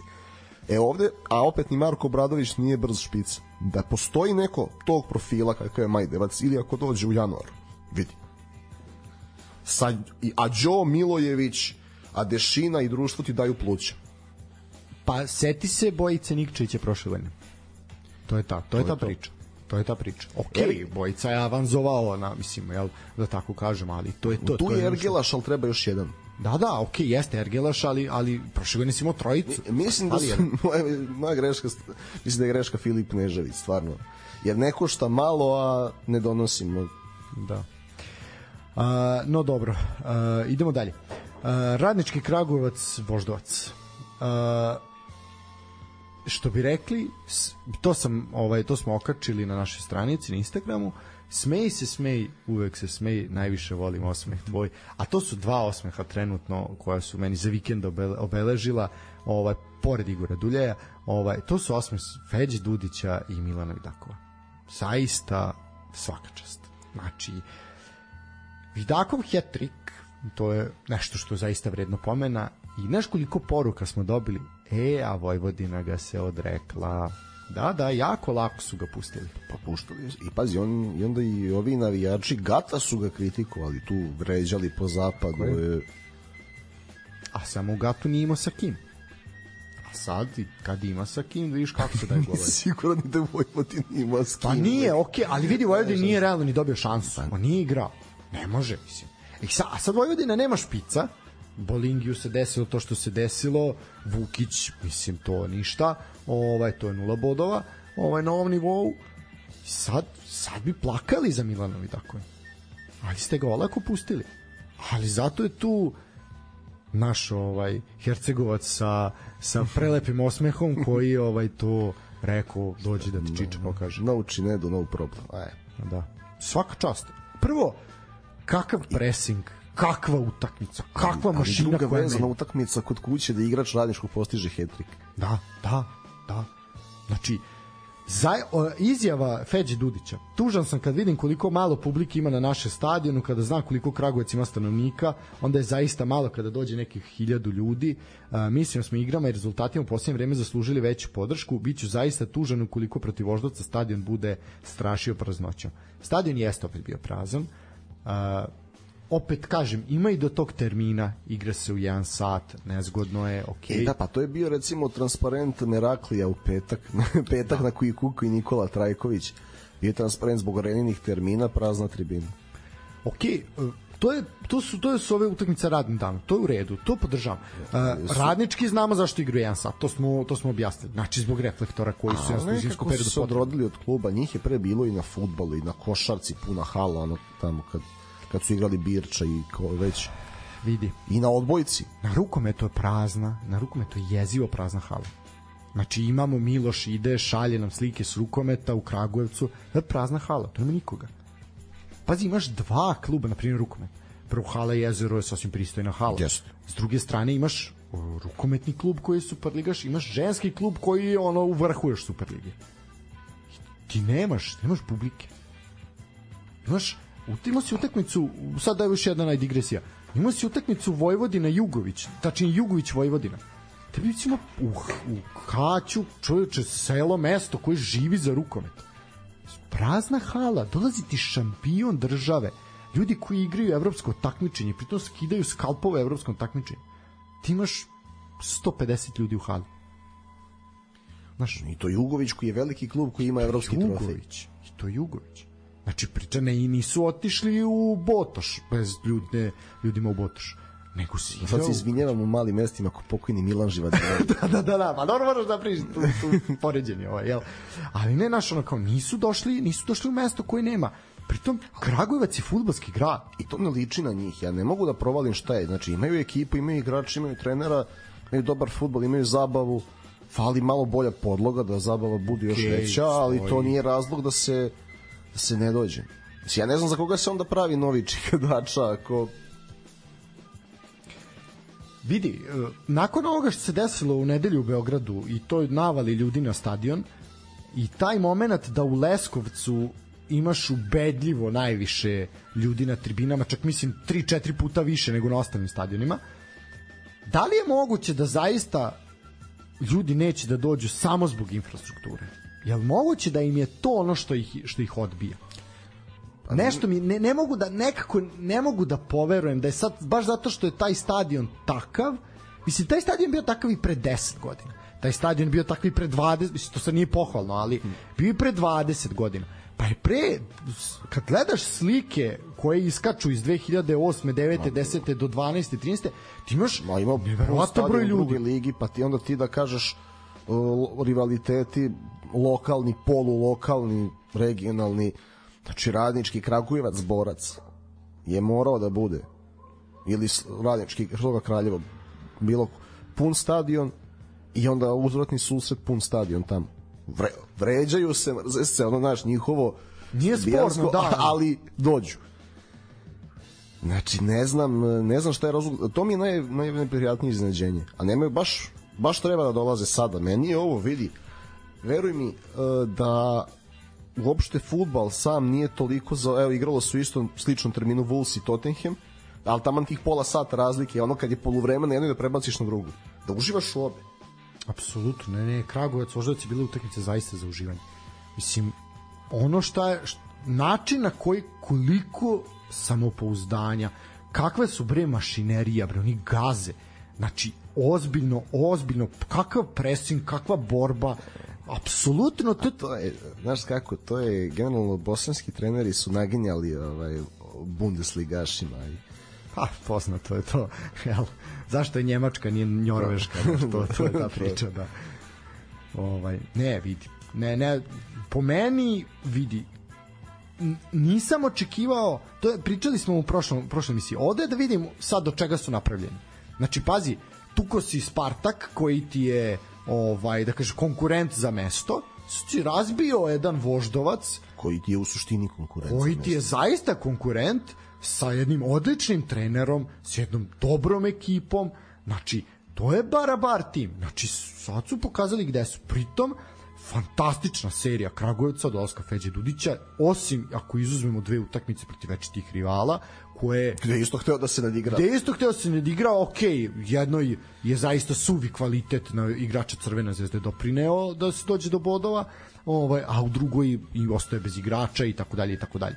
Ovaj, I jednostavno pogodio je Partizan sve što je mogo da pogodi. I takve utakmice se isto dešavaju. Pa nije niko rekao, aj ti Feđa Uze, Dudić. uzet će im bodove negde, vidjet ćeš i prvo mislim da će biti u play-offu, samim tim će biti po još dva susreta i s jednima i s drugima uzet će Po prve bodove kad ja očekam da Kragujevac može da uzme Partizanu, a to je već sad uskoro za koliko, tri nedelje, jel? Pa da, Malo je. zašto da ne? Apsolutno. Znači, zaista fa fantastična igra Kragujevca. Mislim sad ono kao prošle sezone smo smarali, mislim nismo smarali, ali ovaj malo smo možda naginjali da budemo dosadni sa igrom Novog Pazara. Pogotovo ono početak sa Gaćinovićem. Ne, iz, dok hvalili smo, ali Da. moraš da hvališ šta je zahvaljenje. Sad, to, sad je ta pozitivna Neko, priča. Ja sam Kragujevac. hvalio i Kragujevac i Oksu. Jesmo, jesmo isto smo. I, i, sad, Jesmo I sad hvalim bez obzira na sve, ne, jer ti ne, ne moraš uvek da imaš rezultat, ali moraš da ostaviš nešto iza sebe, moraš da imaš dobru podlogu. Znači, ja uvek, uvek volim onu rečenicu Mauricija Sarija kad je došao, to ti ono, Chelsea osvoji titulu što nije igrao Evropu, sledeće godine igra Evropu, završi pet i uzme 25 bodova manje. I dolazi Mauricio Sari posle Contea i kao, ljudi, šta ste vi trenirali tačno? Ja sad moram sve iz početka. Feđa nije morao iz početka. On je, imao je dobru podlogu, vratio im je samopouzdanje, jedna druga pobeda i sad ulazi sve. Treća vezana pobjeda radničkog, skok na tabeli, Ekipa koja je prvih šest kola imala nula bodova. tako je. Uh, pazi, Voždovac u poslednja tri kola, u poslednja tri kola samo jedan osvojen bod. Mislim, Savić je zacementiran i to ne, mislim da ga I sigurno da neće, i mora da i neće ga niko dirati. Uh, Ono, oni strepe da ga ne uzme neko s polja. E, pojavila se priča za Soči. Ovaj, da je Soči raspoložen da ga angažuje. E sad vidjet ćemo šta će se tu dešavati, da li će, da li će Savić prihvatiti. Ja sam siguran unosnu ponudu, unosnu pobedu Soči. Ja ne bih volao da se to desi, jer daj da ga vidimo, daj da uradi nešto, daj da neki pečat ostane, nešto da se vidi. Ovaj, Pa ne, daj da držimo dob, dobre ljude vezane ovde za futbal. tako je. Znaš. Ja smatram, eto, pa pričali, ja smatram stvarno da ima mesta za Trajkovića, ali mu, na kraju, se da možda bi mu lakše bilo da, da ode sad u prvu ligu Srbije, da uvede nekog i onda nastavi u Super ligi čak, nego da, da radi Pa u da, da ode neki vršac, kolubaru, nešto, da, može, da, to je to. Jer po, ono, Skandinavija napreduje sa idejama. To vidimo sad da ne duže, onda bih ja morao, video si da je Flamengo prva Copa Libertadoresa, čuo si nešto možda o idejama Fernanda Diniza, jedini klub koji tu u Evropi pokušava da primeni te specifične ideje je Malme, na primjer. Koji su uzeli titulu, jel sad za vikend? Tako je Ridstrom trener i Skandinavija je puna ideja. Nema, oni ne rizikuju, zato što pričali smo i sa Komazecom ovde kako oni shvataju futbal, kod njih poraz nije problem, ajmo ideja, ajmo da se radi. I zato verujem da Trajković može da donese nešto i tako Savić posebno, Feđa Dudić, moraš da ih čuvaš. Moraš da ih čuvaš, daj im, daj im, da, daj im sve što možeš, a da oni traže. Pritom to nisu nerealni ljudi, on ti neće tražiti Mbappe da mu doveš, samo ga daj mu nešto i daj mu da radi. Da, i nemoj ga potkopavati. Tako je. Uh, ono što treba još reći, i ovde ćemo završiti ovu, ovu nedeljnu priču o Kragujevcu. I više sam očekivao od Voždovca da bude onako pravi uvod u subotnji program, podbacili su radnički Vide, nisu im dozvolili. ništa. Ni Ali to samo znači, i to je ono, šta smo mi pričali ovde, po čemu je Feđa Dudić poznat? Upravo po tome. Što zna da zatvori apsolutno da odseče sve sve udarne igle ovaj protivnika. Tako je, na takav način je sa Veležom uzo trofej, na takav način je sa Veležom pobeđivao po Evropi. To je hteo u Sarajevu, s tim da je Sarajevo mnogo nestabilnija sredina. I to smo pričali s komadic. I to smo pričali isto. Tako da, ovaj, šta sam još da kažem? Da, još jedna jako bitna stvar. I ovde završavam priču sa radničkim. Voždovac se nije pojavio, realno, bilo je neka prilika za Burmaza, ali jednostavno bilo je to pre, preslabo. E, ono što sam htio da kažem, e, količina natpisa i pisanija uopšte po regionalnim medijima, zahvaljujući ne samo dolasku, već i ovakvim rezultatima, koliko se piše o radničkom po Bosni, to je nešto što je jako dobro. Širi se tržište i nama je to jako bitno. Znači, onog momenta kad bude bilo zainteresovanih okolnih država da gledaju Superligu, možda ćemo se i malo više ceniti. Ja, znaš šta je to? Mene to podsjeća, ovaj, bio je jedan tu regionalni forum kad se ja ovaj, imao jel, tu količinu dokolice kao srednjoškolac. I onda sam naravno komunicirao s ljudima iz Sarajeva i oni su uvek tražili streamove za naš derbi. I vidiš navijače domaće kako kukaju da nema futbala, a da je ljudima iz Sarajeva to super utakmica. I mi kao, čekaj, šta je vama ovde super? Pa kaže, ne, zato što vi ne gledate željezničar iz Sarajevo. Pa da. Ta, tako isto verujem da je Feđi super nakon uslova infrastrukture u Bosni kakva god da je naša liga ipak je avion za to ja verujem da je ovo njemu da se on osjeća da vozi space shuttle Pa da, jer upravo to smo pričali zašto su nam se mnogi smejali kad smo pričali Feđi Dujiću. Ovo je Bosanska liga, ono. Pa okej, okay, ali dajmo naše uslove. Pa okej, okay, sad ovu godinu nek radi u Kragujevcu. I to Bosanska liga, to je izbacivanje Ajeka s Veležom. Tako je. Pa ajde. To, Ajek koji u tom momentu vodio srpski trener. On je toliko, Feđa je toliko Clark tiho Kent. došao u Srbiju. Clark Kent, da. srpski trener. A, veliki srpski trener. Pa mnogima veliki i drag. E sad možda, možda a, zbog toga... tu je problem. A možda je Feđa neprijatelj što ga izbacio, pa onda nije pisano o njemu. Pa vidi, ja samo, ono što ja želim i Feđi Dudiću i Marku Saviću i svima ovima, Igor Duljaju, pa i Trajkoviću, Žarku svima onima, Lazetiću. Žarku Lazetiću svakako, to je da. Pa i ovo Mijailoviću iz Železničara, ajde, tek će pokazati Absolut, svoj potencijal. Apsolutno. A, to je da ljudi moji, tom Feđi Dudiću, treba dati njemu sledeći klub mora biti još bolji. Taj njegov sledeći klub mora biti TSC. Njegov sledeći klub mora biti Partizan. To je ono što mora biti sledeći klub u nekoj perspektivi. Crvena zvezda za mislim ne ne bi to. Prvo prvo zvaće ga neko iz inostranstva mislim. Hoće, ali naš mora tako da se penje. Kao i Marko Savić, rekao, on iz Voždovca, realno TSC je realno sledeći. Što da ne Čukarički? Možda se sa trenerom finansijski na tom nivou. Zašto da ne? Zašto ne Crvena zvezda jednog dana? Tako se to pa radi. ja znam zašto ne. Ne, da je jasno, da, ali mislim, ali ta, to bi tako trebalo, razumeš? Trebalo. To bi tako trebalo. Ili Vojvodina. Mm, to bi bilo interesantno. A to se tako radi. To se u ozbiljnim ligama, Ma ne, ozbiljna zašto, se to tako ne, ali zašto sa novim stadionom, vraćanjem publike na stadionu Kragujevac ne bi bio klub? Ne, može, može, okej. Okay Ima i ta varijanta. Ima i ta varijanta. Ja, pa ja bih više volao da vidim Evropu u Kragujevcu. Neku... Ne može, okej. Okay. Za slučaj da se klub zaista podigne, nego moraš shvatiti da smo toliko čujemo o tim podizanjima, pa na kraju uvek isto. Ovaj, naš, ajde, nema veze, nek bude. U krajnjoj liniji, pa treba neko da dođe opet da dobije šansu u tom Kragujevcu. Nikola Trajković. Nikola Trajković. Znači, znaš ono, mora malo, mora malo. Setimo se, pa pazi, Lala ti je dobio šansu u Kragujevcu. Mislim, jedno od mnogih koje je dobio svuda. Da. Što pa Lale krenu iz Srema? Lale krenu iz Srema. Pa dobro, i Stanojević krenu iz Srema. Okej, okay, bi, bio proleteru sa slane bar, jel bio? Mislim, sad bilo bi previše da nabremo gde je sve bio. Ovaj, jel? A mislim, viš kako navodim vodu na tu vodenicu. Uh, dobro, tako da u suštini ok, nek porastu, nek budu, može, nije problem. Super, to bilo idealno. Ne, ali stvarno, baš Kragujevac baš mora sa publikom. Ajde, Mislim nadamo da... se da doći ćemo do poslednje utakmice u kolu pa pričati publici da tu, tu, to, to mi je to čekam ne brini uh, ajmo dalje uh, Radnik Surdulica napredak uh, još jedan otkaz Zoran Ljubinković. E, ali ovaj je zaslužen. O, je, iskreno. Zasluženo, bez... Ja imam utisak da čovjek nije trenirao ekipu napad pola godine. Uh, napredak, prva pobeda sa novim trenerom, to je ono što je bilo bitno za njih.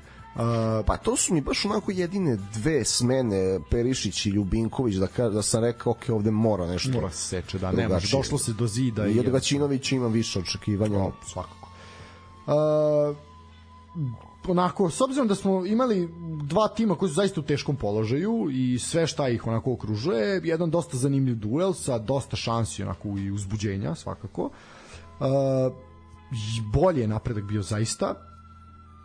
Uh, ono što kažu, to sam čitao komentare, napredak je zaista ekipa koja se ne može pogoditi na kladionici. Uh, to jeste tako bilo. Ja verujem da sada sa Gaćinovićem će se oni mnogo, mnogo stabilniji će biti. Gaćinović zna kako da posloži stvari. Moraju da ja sam ti rekao spori su, oni moraju ne, okay. dobi, ne, ovo ovo je jedno što oni moraju da dobiju. Tako je. I sad im treba još neki bod da prežive do zime i onda i da Gaćinović bira igrač. Pošto je u Pazaru dobro birao i bili su dovoljno brzi. Tako je. Ja verujem da će on njih posložiti. Ja verujem, pazi, ima sad opet kažemo pauzu gde će raditi. Mislim da će oni dobro pripremiti ove utakmice do kraja. Uzeće se tu bodovi i onda da vidimo pijaca zaista bi trebalo da bude jako, jako zanimljivo ove zime. U svim klubovima, jer mnogima fali. Mnogi su mislili možemo, pa su pa, se zezali. sve kritike, mislim da imamo zanimljivu i sezonu i letnju pijacu no. i zimsku u najavi. Tako je, tako je. A tek onda proleće. A, što se tiče Surdulica, Surdulica ubedljivo su najslabiji u ligi i to pokazuje i tabela, to pokazuje sve. A, ne, ne bih ništa rekao, vidjet ćemo, evo, piče se Radoslav Batak, Pa, mislim, ne znam, ali čemu? A ne, ali opet u odnosu na... A dobro, ali mislim ono kao, znaš kao... Pošto mu Vojvodina ne nije mera. Kao, ne, nije leukemija, ali znaš kao, ali je tumor, ono, mislim, ne znam kako bi ti rekao, ono. Dobro, ne bi ja te bolesti. A dobro, to je da- meni bliže, ne, ali meni da. ono više nije vetar, nije kiša. Ono. Pa znaš, ono kao, manje zlo, ono kao, a nije DDS, nego je DSS, mislim, ili obrnuto. A isti mi je razumiješ? Doći će mi na isto. Mislim, pa naš, ono, kao, nisu dveri, nek su zavetnici. pa ne, naš, mislim, Ne, ono... neko ti iznervirao danas na poslu. Mnogo si, nisam, mnogo nije. si negativnih ličnosti. Pa nisam, ne zumeš, nego znaš, ono kao Radoslava. Samo ne, sad samo čekam da pomeneš i Šešelja i da... Pa ne, znaš, ono kao, zašto Radoslava Batak? A, zašto Moguće. nema, a nema ideje. Ovo, ajde. Pa nema ide, pa da, pa to je problem. A ne, njima je sad već stvarno A i to vreme je to, da ispadne. jel mo- hoćemo- jel mora- Jel vreme da ispadne? Apsolutno, apsolutno je vreme da ispadne. Nikad im nije bilo ko sad. Nikad. Jer- Pritom, samo jedna stvar, izvini. A, da li je uslov za rad u Surdulici ili u Nišu da moraš da vodiš jedan od ta dva kluba? Jer oni imaju prvenstvo, ono, preče prvenstvo dobijanja posla. Ako, je, ako Bata Tončev kaže da je super, onda može. Kad smo kod braći Tončeva, jesi vidio izjavu Tončeva za premije? Ko je za to? 300 uh, novica je dao, mislim. Za 350.000 i za kako su uzeli, kako je uh, Stojedinović pošten čovjek što je ne Stojedinović nego ovaj um, a bože uh, golman Crvene zvezde 91. Dika Stojanović. Dika Stojanović, ne Stojedinović, nego Stojanović. Priča Stojedinović mi u glavi zašto smo pričali o Petroviću golmanu. Ovaj, di, kako je Dika Stojanović pošten čovjek jer je priznao da je uzo premiju 350.000 evra za plasman na, na svetsko prvenstvo u Kataru. Nisi ispratio tu sagu? Jao. Tada kako je on prozvao, kako su svi članovi fudbalskog sa upravnog odbora fudbalskog saveza Srbije e, ne na ne baš pravan i legalan način prisvojili ovaj prisvojili ogromne količine novca, odnosno eto ova svota od 350.000 eura se se pojavila za za Diku Stojanovića, a da je Pixi uzo i mnogo mnogo više, čak spominje se neka cifra, u nekima milion, nekima dva, mislim to je nerealno. Ovaj ali ajde, dobro. Dobro, ali to ima u svim savezima. Samo Ne, ne, ne, nije sporno, nije sporno, nego je sporno što se o tome ni ne priča, razumeš? I onda ovaj ti dođe uh, ne znam, ne, ne znam kako bi ga nazvao, ali on dođe ti Novica Tončev i ti priča, čovjek koji čijem, ko, njima je zabranjeno da se bave futbalom, ono, i on ti priča o njima je u glavi njegova izjava kad sam pomene, kaže Surdulica je jedna slobodna opština u Srbiji. Zato što je pobedio SPS, a nije SNS. ne, ako... Ne, ne, ne. Ne, ta, ne, tačno smo krenuli, sad ćemo biti ono, znaš, kad su bili 2016. izbori u Crnoj Gori, Panđus i Milova nisu pričali o sportu. Tako ćemo i mi, evo, već vidim, ono, 17. decembar specijal u 8 uveče live, ono. Ovi što im... Moramo Janka pozvati, da. Ko je? Šta? Politički analitičar. Pa da, inače naš drugi Janko se nalazi na spisku ove demokratske stranke, znači ako osvoje 75% glasova, Vučić ne osvoji ništa, ove će biti u skupštini. Ako ne, te, sportski pozdrav će imati predstavnika u skupštini, pa se vi zezajte. Ovaj, ne, ale maj vratimo se. Ovaj. Kad smo kod izbora, o dosta, mislim, znaš ono kao, E, imam rečenicu za izbor. Ajde. Jako mi smeta narativ uh, i, ovaj, i naravno da je simbol populističke futbalske Srbije Rade Bogdanović nešto našao da izjavi kako eto do izbora će Partizan biti prvak, a posle Da, će da, da, da, Ja ću samo da kažem jednu stvar. Ako se pošto se priča o predsedniku Republike, jel kao uh, evo 2017. je prvi put pobedio u prvom krugu predsjedničkih izbora 2. aprila. 18. aprila je Partizan dobio derbi 3-1 na Zvezdinom stadionu za titulu i uzeo duplu krunu. Tako da izbori nemaju veze apsolutno ni sa čim. Apsolutno, evo ja to tvrdim. Jer i sam predsednik Republike i opozicija, ja više ne znam ni kako sve da ih nazovem, znaju, znači ljudi su opredeljeni odavno. Nema, ti samo možeš nekog dodatno da potkupiš.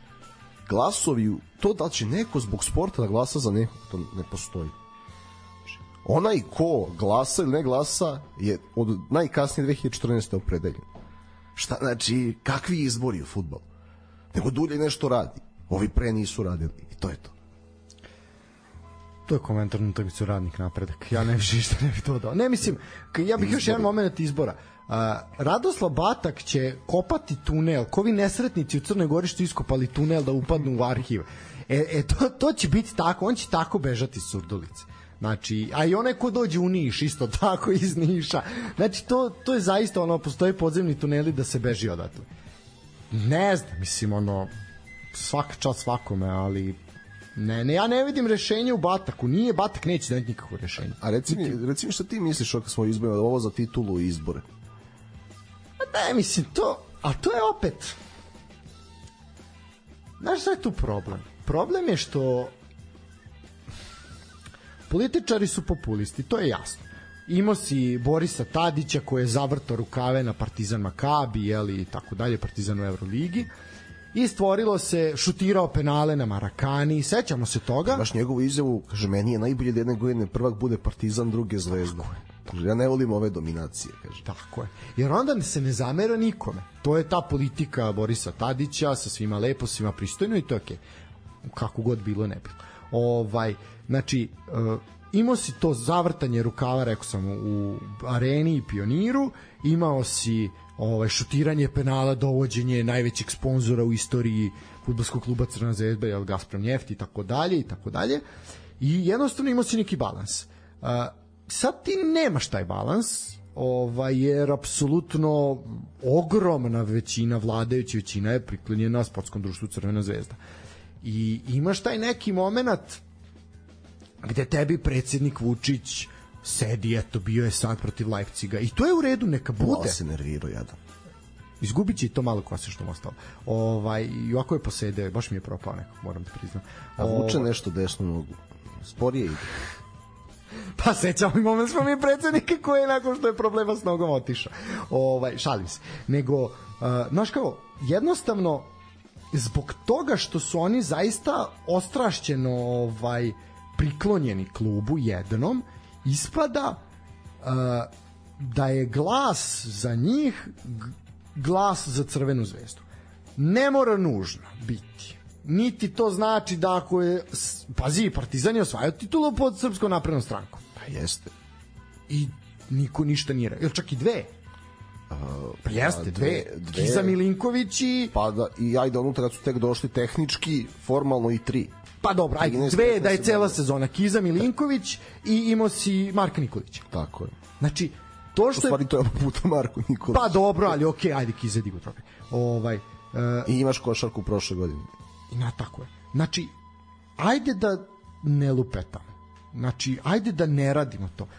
Pazi, uh, i pričali smo i prisustvovali su. Ja ne kažem da Crvena zvezda nema logistiku, ja ne kažem da Partizan nema logistiku, ja ne kažem da bilo ko nema logistiku, to, to nije ist. Znači imaju, uh, nažalost naš sport je zato što niko neće da se, mi sad otvaram jednu već široku temu, uh, naš sport je, uh, ali moram da, da, da bih objasnio da bih poentirao, naši klubovi žive od politike jer naši klubovi osim par, ruku na srce, par kolektiva u ovoj državi u svim sportovima su profitabilni. Zarađuju više nego što troše. To je par klubova. Svi ostali, uključujući eto ta pomama koja vlada za Evroligom u Beogradu, za Partizanom i za Crvenom zvezdom.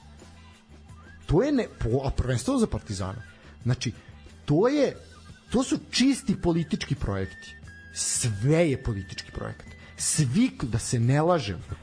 Kukaju klubovi iz Evrope kao mi ne možemo, kod nas, za, nama zakon ne dozvoljava da nam predsednik da pare. Pa, pa da. I onda ti mi se ljutimo što neki navijači Zadra se ljute šta, šta se radi sa ABA ligom. Pa imaju pravo da se ljute. Na stranu sad onaj drugi moment nacionalistički koji ne opravda.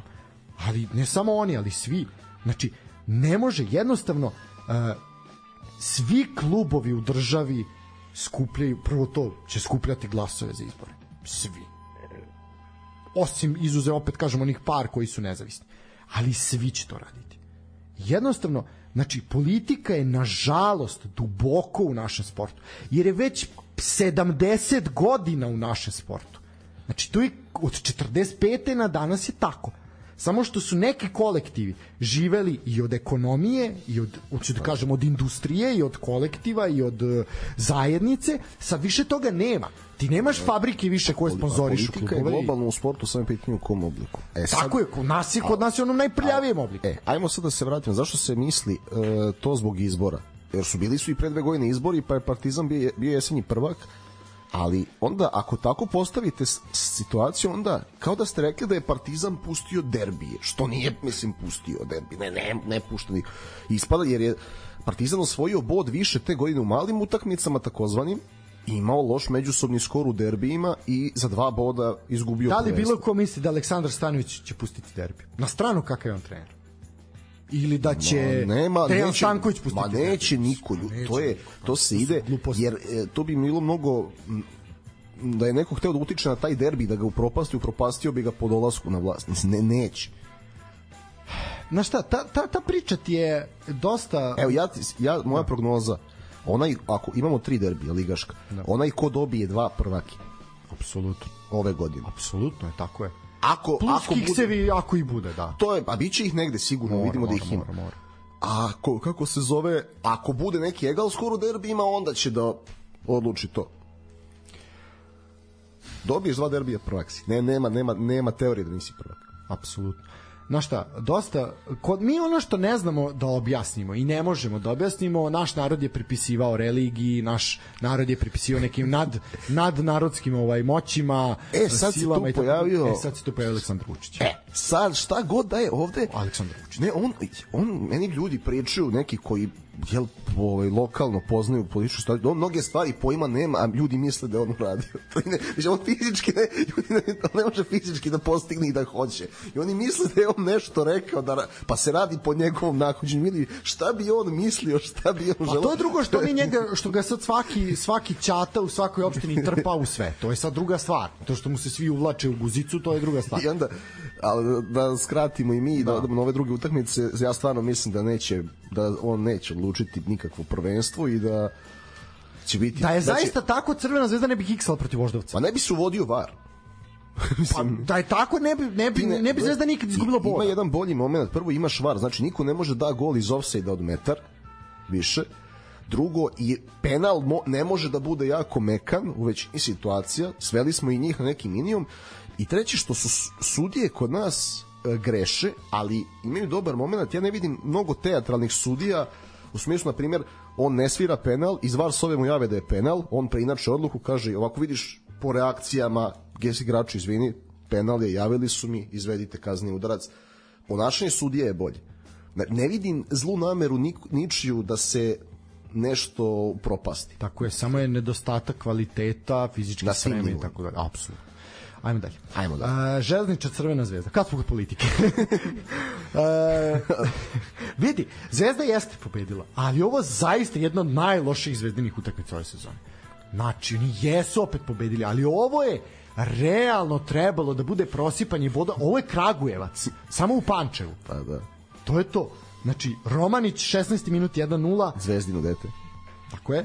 Ivanić I još jedna asistencija Đorđevića, kojeg moram... Apsolutno. Znači, koliko je sad se Železničar digao, pa njegov kvalitet dolazi do izražaja.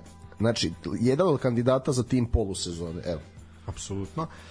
Uh, pobeda zaista na mišiće. Ponovo Mirko Ivanić i Mladi Mijatović. Ponovo i on. Ponovo i on. I to pazi, ali na stranu sve genijalan potez, znači isteruješ špica plaćenog 5 miliona i uvodiš dete i dete okreće utakmicu. Vidi, da je neko pre sezone rekao da će jedan tinejdžer toliko bodova doneti Crvenoj zvezdi u, u evo sad jesenjem delu šampionata. Ja verujem da će se to nastaviti u prolećnom.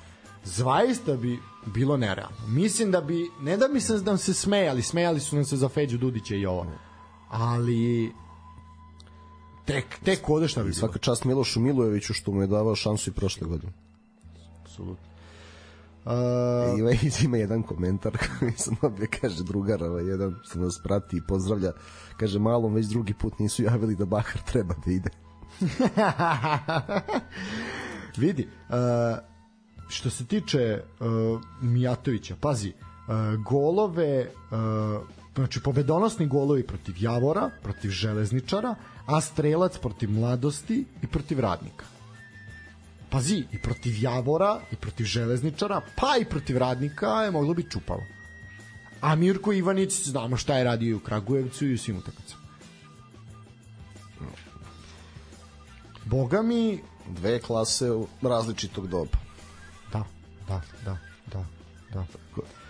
Železničaru svaka čast i taj moment uh, te, taj pozdrav na kraju i da si video koliko im je bilo žao jer su videli da mogu i to ono namirili, namirisali su Samo krv ljudi sa svim nastavite, vidimo. treba, trebate nam Tako ligi, tre- treba nam, ja, kako ti objasnim, mislim, sad će ispasti subjektivno, želim dobro svim klubovima, ali jednostavno kad vidim uh, igru, kad vidim onaj teren, loptu kako ide, njihovu, protivničku, šansa tamo, šansa ovo, stvarno mi je bolje da železničar ostane u ligi nego neko drugi. I to što su se podigli jer je izgledalo da će otprilike uzeti bodova kao derby county ono jedne godine u premier ligi, E, zaista mi je drago. Sad imamo kompetitivni še, biće sad, pa sad će se podići malo jeli radnik i napredak da im biće borba za sve pozicije, ali stvarno nam, znači, treba nam ovo, ono, znači, stadion, reflektori, podlog, publika. I to, pazi, ta nekako lokalna publika je do duše više navikla na Dinamo iz Pančeva, iz bivše države, ali nisu nefudbalska publika. To mi se sviđa. Tako je. Znači, prate igru, pozdravljaju dobar potez, aplauzom, nema nekog neva, vrlo jedna onako kulturna fudbalska sredina u odnosu na ostatak, mogu ti reći. Apsolutno. Uh, idemo dalje. IMT Mladost. Ono što nas je koštalo 100.000 dinara, a to je utakmica između IMT-a i Mladosti. Uh, kao da su se mladi momci ispucali u prethodnom kolu u Kruševcu, tako je delovalo. Veliki broj prilika je promašen, ali na iskustvo Lučanci dolaze dolaze do pobede. Dve pobede u 5 dana, još jedan put Sremčević, uh, zaista ponovo na Ezeu asistenciju, znači to je to je tandem evo, koji radi već dve utakmice zaredom. Uh, zaista mladost ponovo ponovo ovaj uzima uzima uzima bodove dok IMT ostaje ostaje u donjem delu tabele. Uh, šta reći, mislim šteta zaista, ovaj, ali jednostavno uh, na iskustvo, na mišiće, na, na snagu su uh, momci iz uh, Lučana došli do, do bodova na krovu, jednostavno tačno se videlo da fali to iskustvo, fali ta, ta mudrost i fali ta i snaga ovaj, ipak ovaj fizička snaga i u duelima i sve lepršavost postoji, ali jednostavno iskustvo je falilo, ali dobro, to su ovakve utakmice su one kada se kada zapravo se i dolazi do toga da uh, da se, da se uče neke stvari, da se iz ovakvih stvari se izlače pouke i sve je to deo sazrevanja, tako da jednostavno uh, sve ovo je nešto što je deo procesa i u taj proces verujemo i ni više puta nas je ovaj uh, uverio u to da IMT jeste na dobrom putu i da kao i prošle utakmice u Kruševcu kad su zaista bili dominantni, ovaj mogu oni to znaju, oni to samo samo im treba treba treba malo kontinuiteta, to je ono što je najteže za za mladog igrača. Tako da ja ne bih uh, žurio sa uh, ne bih dužio sa, sa pričom ja bih uh, završio ovde priču o IMT-u i o Lučanima uh, pričali smo i njima toliko puta ove sezone i detaljno se posvećivali pogotovo IMT-u, a i Lučanima uh, Sivić je to druga pobeda zaredom i možda ta smena smena Savića uopšte i nije bila tako tako strana, možda je zaista se došlo do nekog zida, jel, do nekog kraja puta, pa je Sivić Sivić morao da nastavi. Uh, Javor Spartak. E sad, uh, posle tri vezana poraza Javor se vratio na pobedničku stazu.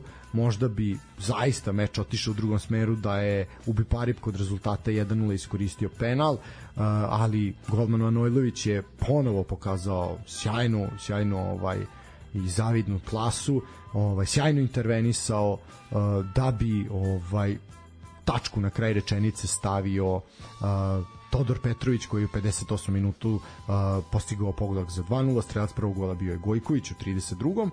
Uh, čovjek je neposredno po ulasku sa klupe postigao, postigao pogodak i doneo Javoru zaista, zaista bitna tri boda i ovo je bila neka utakmica koju smo mi onako dosta je bilo teško prognozirati šta se ovde može desiti. E, meni iskreno nije delovalo da se Keržakovu tako drma klupa, ovaj i da bi on meni to nije tako loše izgledalo s obzirom kakav je Spartak bio prethodnih sezona meni je ovo zaista bio napredak. Međutim, mediji su potrčali, nema zvaničnog još uvek nigde nikakve objave, ovaj, bar do početka ove emisije, ovaj, a ja ću svakako proveriti još jedan put, e, nema zvanične, da, samo, samo i dalje, samo i dalje ovaj, nagađanja i kaže čeka se promocija, da, evo, Keržakov, znači izvanično, nije više e, šef stručnog štaba Spartaka, a na njegovo mesto biće promovisan Nenad, Nenad Lalatović. Uh, kažem opet, nije meni delovalo tako strašno, delovalo da je Spartak pod, da se Spartak podigao, ostvarili su neke rezultate, neke pobede i delovalo je to sasvim solidno sa igračkim kadrom kakvim imaju, ali jednostavno uh, ljudi u Subotici su tako odlučili Keržakov, iako zaista veliko futbalsko ime, ali kao igrač, kao trener uh, dobio otkaz i vidjet ćemo da li i šta će biti sa njim, da li će nastaviti svoju trenersku karijeru u Srbiji, možda hoće, možda neće, vidjet ćemo. Ovaj, sve u svemu, uh, Lalat je Lalat je naslednik, ovaj nema, čeka se promocija, ovaj ali po svemu sudeći Nenad Lalatović obara rekord i postaje novi trener Subotice. Pa dobro, nije sad da, da će za Kiržakovim da se žali. Meni, meni opet kažem, ne, ne znam, mislim po meni prerano, ali ajde.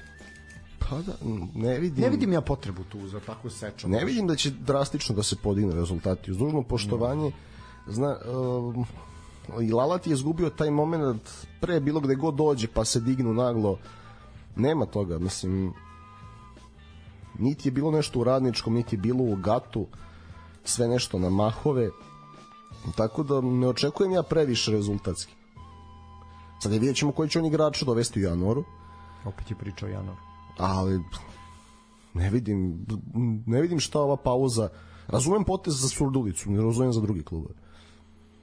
Apsolutno. Mislim, ne, ne opet kažem, ki meni to zaista nije delovalo tako strašno da, da ono, Keržakov ono na penal. Mislim, to, baš mi to nije, nije tako delovalo. Pritom opet se pitam, šta bi bilo da je Vojo Beparim dao gol? Da li bi Keržakov ostao još jednu Pa to, to je najgore zato što previše mi ovde zavisimo jednog gola i jedne utakmice. Tako je.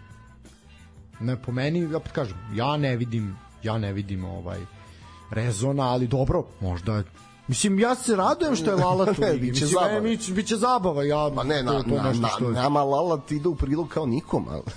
Apsolutno, mislim. I, I opet novi klub i taj oboren je taj sad rekord i to je nešto što je ono, to smo čekali. I sad će da obara sobstveni rekord, ja verujem. Pazi, još nije bio u Surdulici, nije bio u Pazaru. Partizanu. Pa, I ko još? Javor. i u Javoru nije bio. Pa da. Znači, samo je pitanje, ko se zadrži u ligi, eto ga. Pa nije bio ni u železničar. Pa, nije. Eto, A, a, a povezivao se. Povezio se. Nije bio ni u MT-u, aj dobro, to sad ako budemo. Pa nije ni Lučane vodio, tako? Nije, pa imao, pa ima, Pa ima on, do, jo, ima on još da radi. a nema još ni 50 godina. da, da. E, dobro, vidjet ćemo. Mislim, čeka se, pazi, to je sve, čeka se promocija. Bila je tako priča i za železniča, čeka se promocija, pa nije bila. Ovaj, tako Da, da, da, Savo Milošević, oni imaju te momente, ovaj, Da. da. su stalno pred nekim poslom i... pa, lako se li, licitira sa njihovim imenima. E, TSC Vojvodina. Vojvođanski derbi. Ovaj put odličan, mora se priznati. Pripada gostima. Boga mi dvojku nisam očekivao. malo ko je.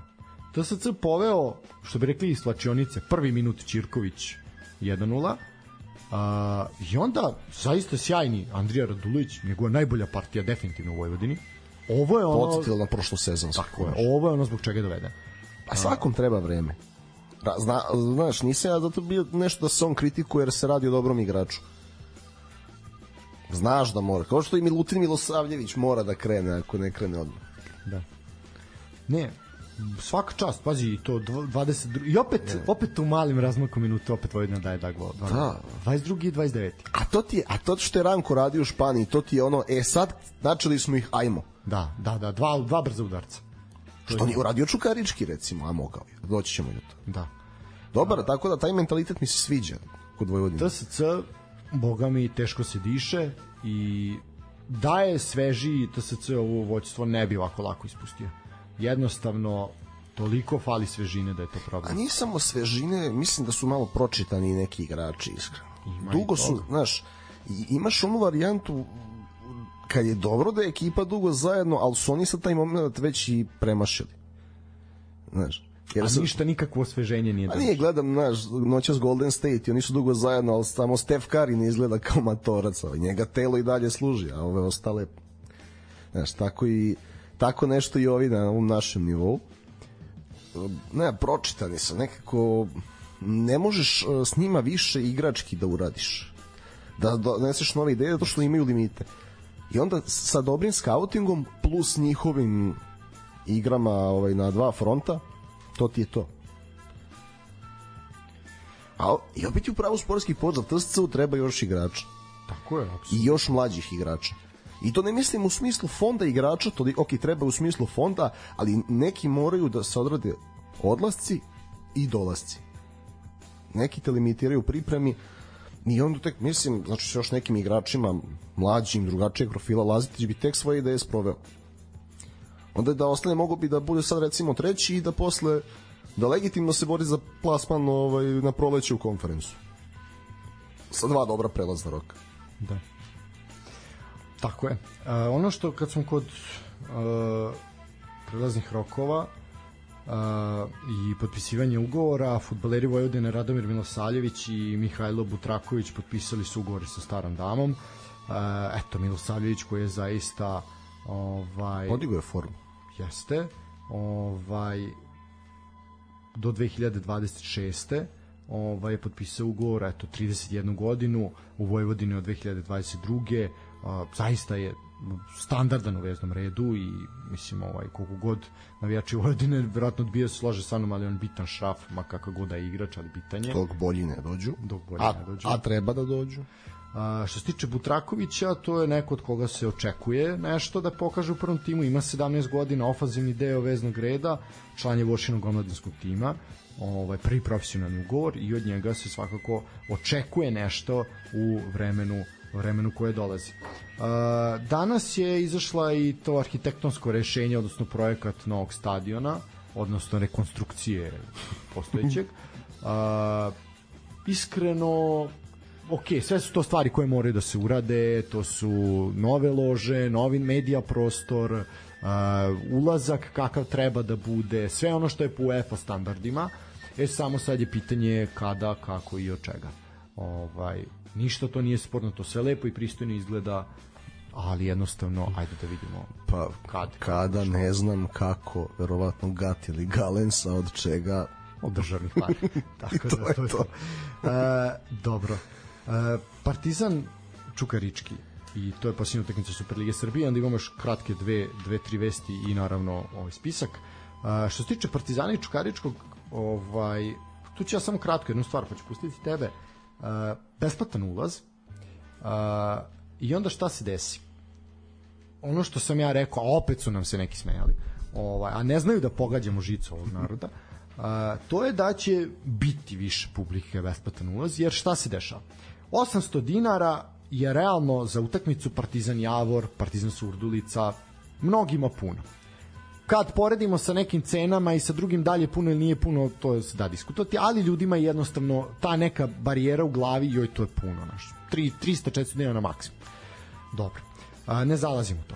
Znači, i imali su izgovor, znači imaš upravu, ovaj, uprava je ok, izgovor i sve kad nema rezultata, kad si četvrti, peti i tako dalje E sad više uprava i nije takav izgovor, mnogima nije, mada imaš još uvek koji koji su sad drže ovaj kao pijan plota. A to je ono Samo trenutak. Ajde. Znači, uh, znači imaš, imaš te, te dve grupe. Sad i ovi koji nisu toliko, naš kojima je uprava bila samo izgovor za loše rezultate, sad i oni više ne pričaju toliko upravi, nego bravo Igore, ajmo igrači, bravo super podrška, idemo na gostovanja ali naš kao ma neću nisam nisu mnogi nisu kupili sezonske i sad su se zeznuli ovaj i sad skupo je znaš vamo tamo i dobiješ besplatan ulaz pritom mnogi su se zaista istrošili na skupe cene karata košarkaške koje su zaista za naše uslove žestoke ali aj dobro imaš velik broj utakmica i opet se sve to isplati I šta se dešava? Ti imaš realno nekih 5-6 hiljada ljudi ovaj, juče na stadionu Partizana, ako ne i više ti onda kao fudbalski klub koji daš besplatan ulaz zato da bi zato da bi ovaj koji inače u prosjeku ima 2500 ljudi na svom terenu za pet utakmica koliko su odigrali i ti daš besplatan ulaz, znači očekuješ i privlačiš njime da ti dođu ljudi, ti ne otključaš sve ulaze, što prvo nije bezbedno. S druge strane, nakon što pitamo ovaj pripadnika ministarstva unutrašnjih poslova tamo na dužnosti, zašto nisu ulazi otključani? Meni je čovjek rekao, klub nije angažovao dovoljan broj redarskih slu, dovoljan broj redara, odnosno dovoljan broj redarskih službenika. Kako je to moguće? Kako je moguće da otvaraš kapije, zoveš ljude da ti dođu, puštaš besplatan ulaz i onda nemaš ne angažaš doljan broj redara da ti svi ulazi budu. Prvo, to nije bezbedno. Znači, mogu, u zamisli, ti imaš za celu istočnu i zapadnu tribinu si imao dva ulaza otvorena za ulazak. Ne daj Bože da se nešto desilo. Kako bi 5000 ljudi u tom momentu izašlo na dva ulaza? Nikako. To je ozbiljan propust. Amaterizam u nizu amaterizama futbolskog kluba i ali to je, a za, zato što se to radi na sve je na, na oruk razumeš znaš sad prvo je onda bilo e, ako može košarkaški klub da zarađuje sezonski, možemo i mi. Onda se odrabe cene sezonskih posle loše sezone, a je, ali ako imate člansku kartu, onda je jeftinije, a nisi promovisao člansku kartu na pravi način, e onda ljudi ne kupuju sezonske, e ajmo 300 dinara Sabah, e ajmo 300 dinara Nordšeland, e ajmo 800 dinara sad radnik Surdulica, e ajmo sad ost... e ajmo sad i onda je dunulo, e ovaj teška je utakmica potencijalno mo može i da se kiksne, ajmo besplatan ulaz, treba nam ljudi. I sad kad vidiš onakvu emociju sad saberi oduzmi odluka kao odluka možda nije bila loša Jer stvarno, ali stvarno to je ono što ti treba da je onda čuješ reakcije posle i ljudi kažu pa dobro, premotaću Chelsea Manchester City, ajde sad, dobro je da sam bio. A ono bilo 4-4 u Premier Ligi, da. stvarno fantastična utakmica i to, ali luta, samo se luta. Ovaj, sreću mi Igor Dulje i stabilan, pa ekipa stabilna. Ne daj Bože da se poistoveti sa upravom, to je to bi bi katastrofa bila. Ovaj, što se tiče utakmice, Partizan posle pazara ponovo, opet ono što smo pričali uh, jako opet su nonšalantni jako naš delovalo je, ma možemo da im damo tri i jeste tako bilo, a što im niste dali? Pa to bili, nije to nonšalancija, nis, više je mislim da je... A ima si neki izbore šuta, selekcija šuta, nekih je bila onako baš A, ali, znaš kako, čuka, e, vidiš, Čukarički, reci ti meni jedno pitanje, Čukarički je stao toliko plitko, znači ekipa koja je jel, bila treća prošla koja igra Evropu. Jesi video ti razliku u pristupu odnosu na njih i ne znam, Surdulicu, napredak, koga već iz donje dela tabele? Pa i ne. U prvom, prvom, prvom, prvom ne. U pripremi utakmice. Posle moraš, jel? Da, da, u prvom polovremenu ne. Znači, to je isto. Samo nisu imali Dina Dolmanagića koji će da isprinta 50 metara i da šutno nakav gol da da. To da, to nisu imali. Imao je Đorđe Ivanović dve šanse kad je ozbiljno mogao da zapreti i jeste zapreti. ali to je ono, ali oni su samo od pazi, odlučili su da je Filipović kao rezerva nestabilniji od Antića i gađali su taj prostor između Filipovića i Ilića besomučno. I Jade Tunđi se kao špic u centrali pomerao tu da pokuša da pravi neki višak s Ivanovićem. Ali da se dođe do gola na neki drugi način, ne. Ovo, ovaj, užasan pristup, Partizan igrao odlično prvo polovreme i mogao da još neki gol I onda, mislim da je ključni moment izmena koju ne razumem Šćekić Kanut. Šćekić ne može da više da igra. Jel Šćekić treba da je crveni karton? Kažu da jeste. Ja sad ograđujem se. Da je krenuo jako na onaj start. Jeste. Ja nisam video da li je žuti crveni, ako je crveni treba je dobiti crveni to je to bio sam uživo, ne mogu sve da pošto sam onda jel, pošto sam bio tamo uživo, a termini su takvi, da ja ne mogu da razumem inače da Partizan počinje u 7, znači to je da kažeš imaš dva neka derbija kola, da je jedan u 7, a da je drugi u pola 8. Pa hoćem, ima nas koji bismo oba da pogledamo. Onda pošto sam otišao na utakmicu u Beograd, vreme koje sam imao slobodno sam izdvojio da pogledam malo TSC i još neke ekipe šta su radile.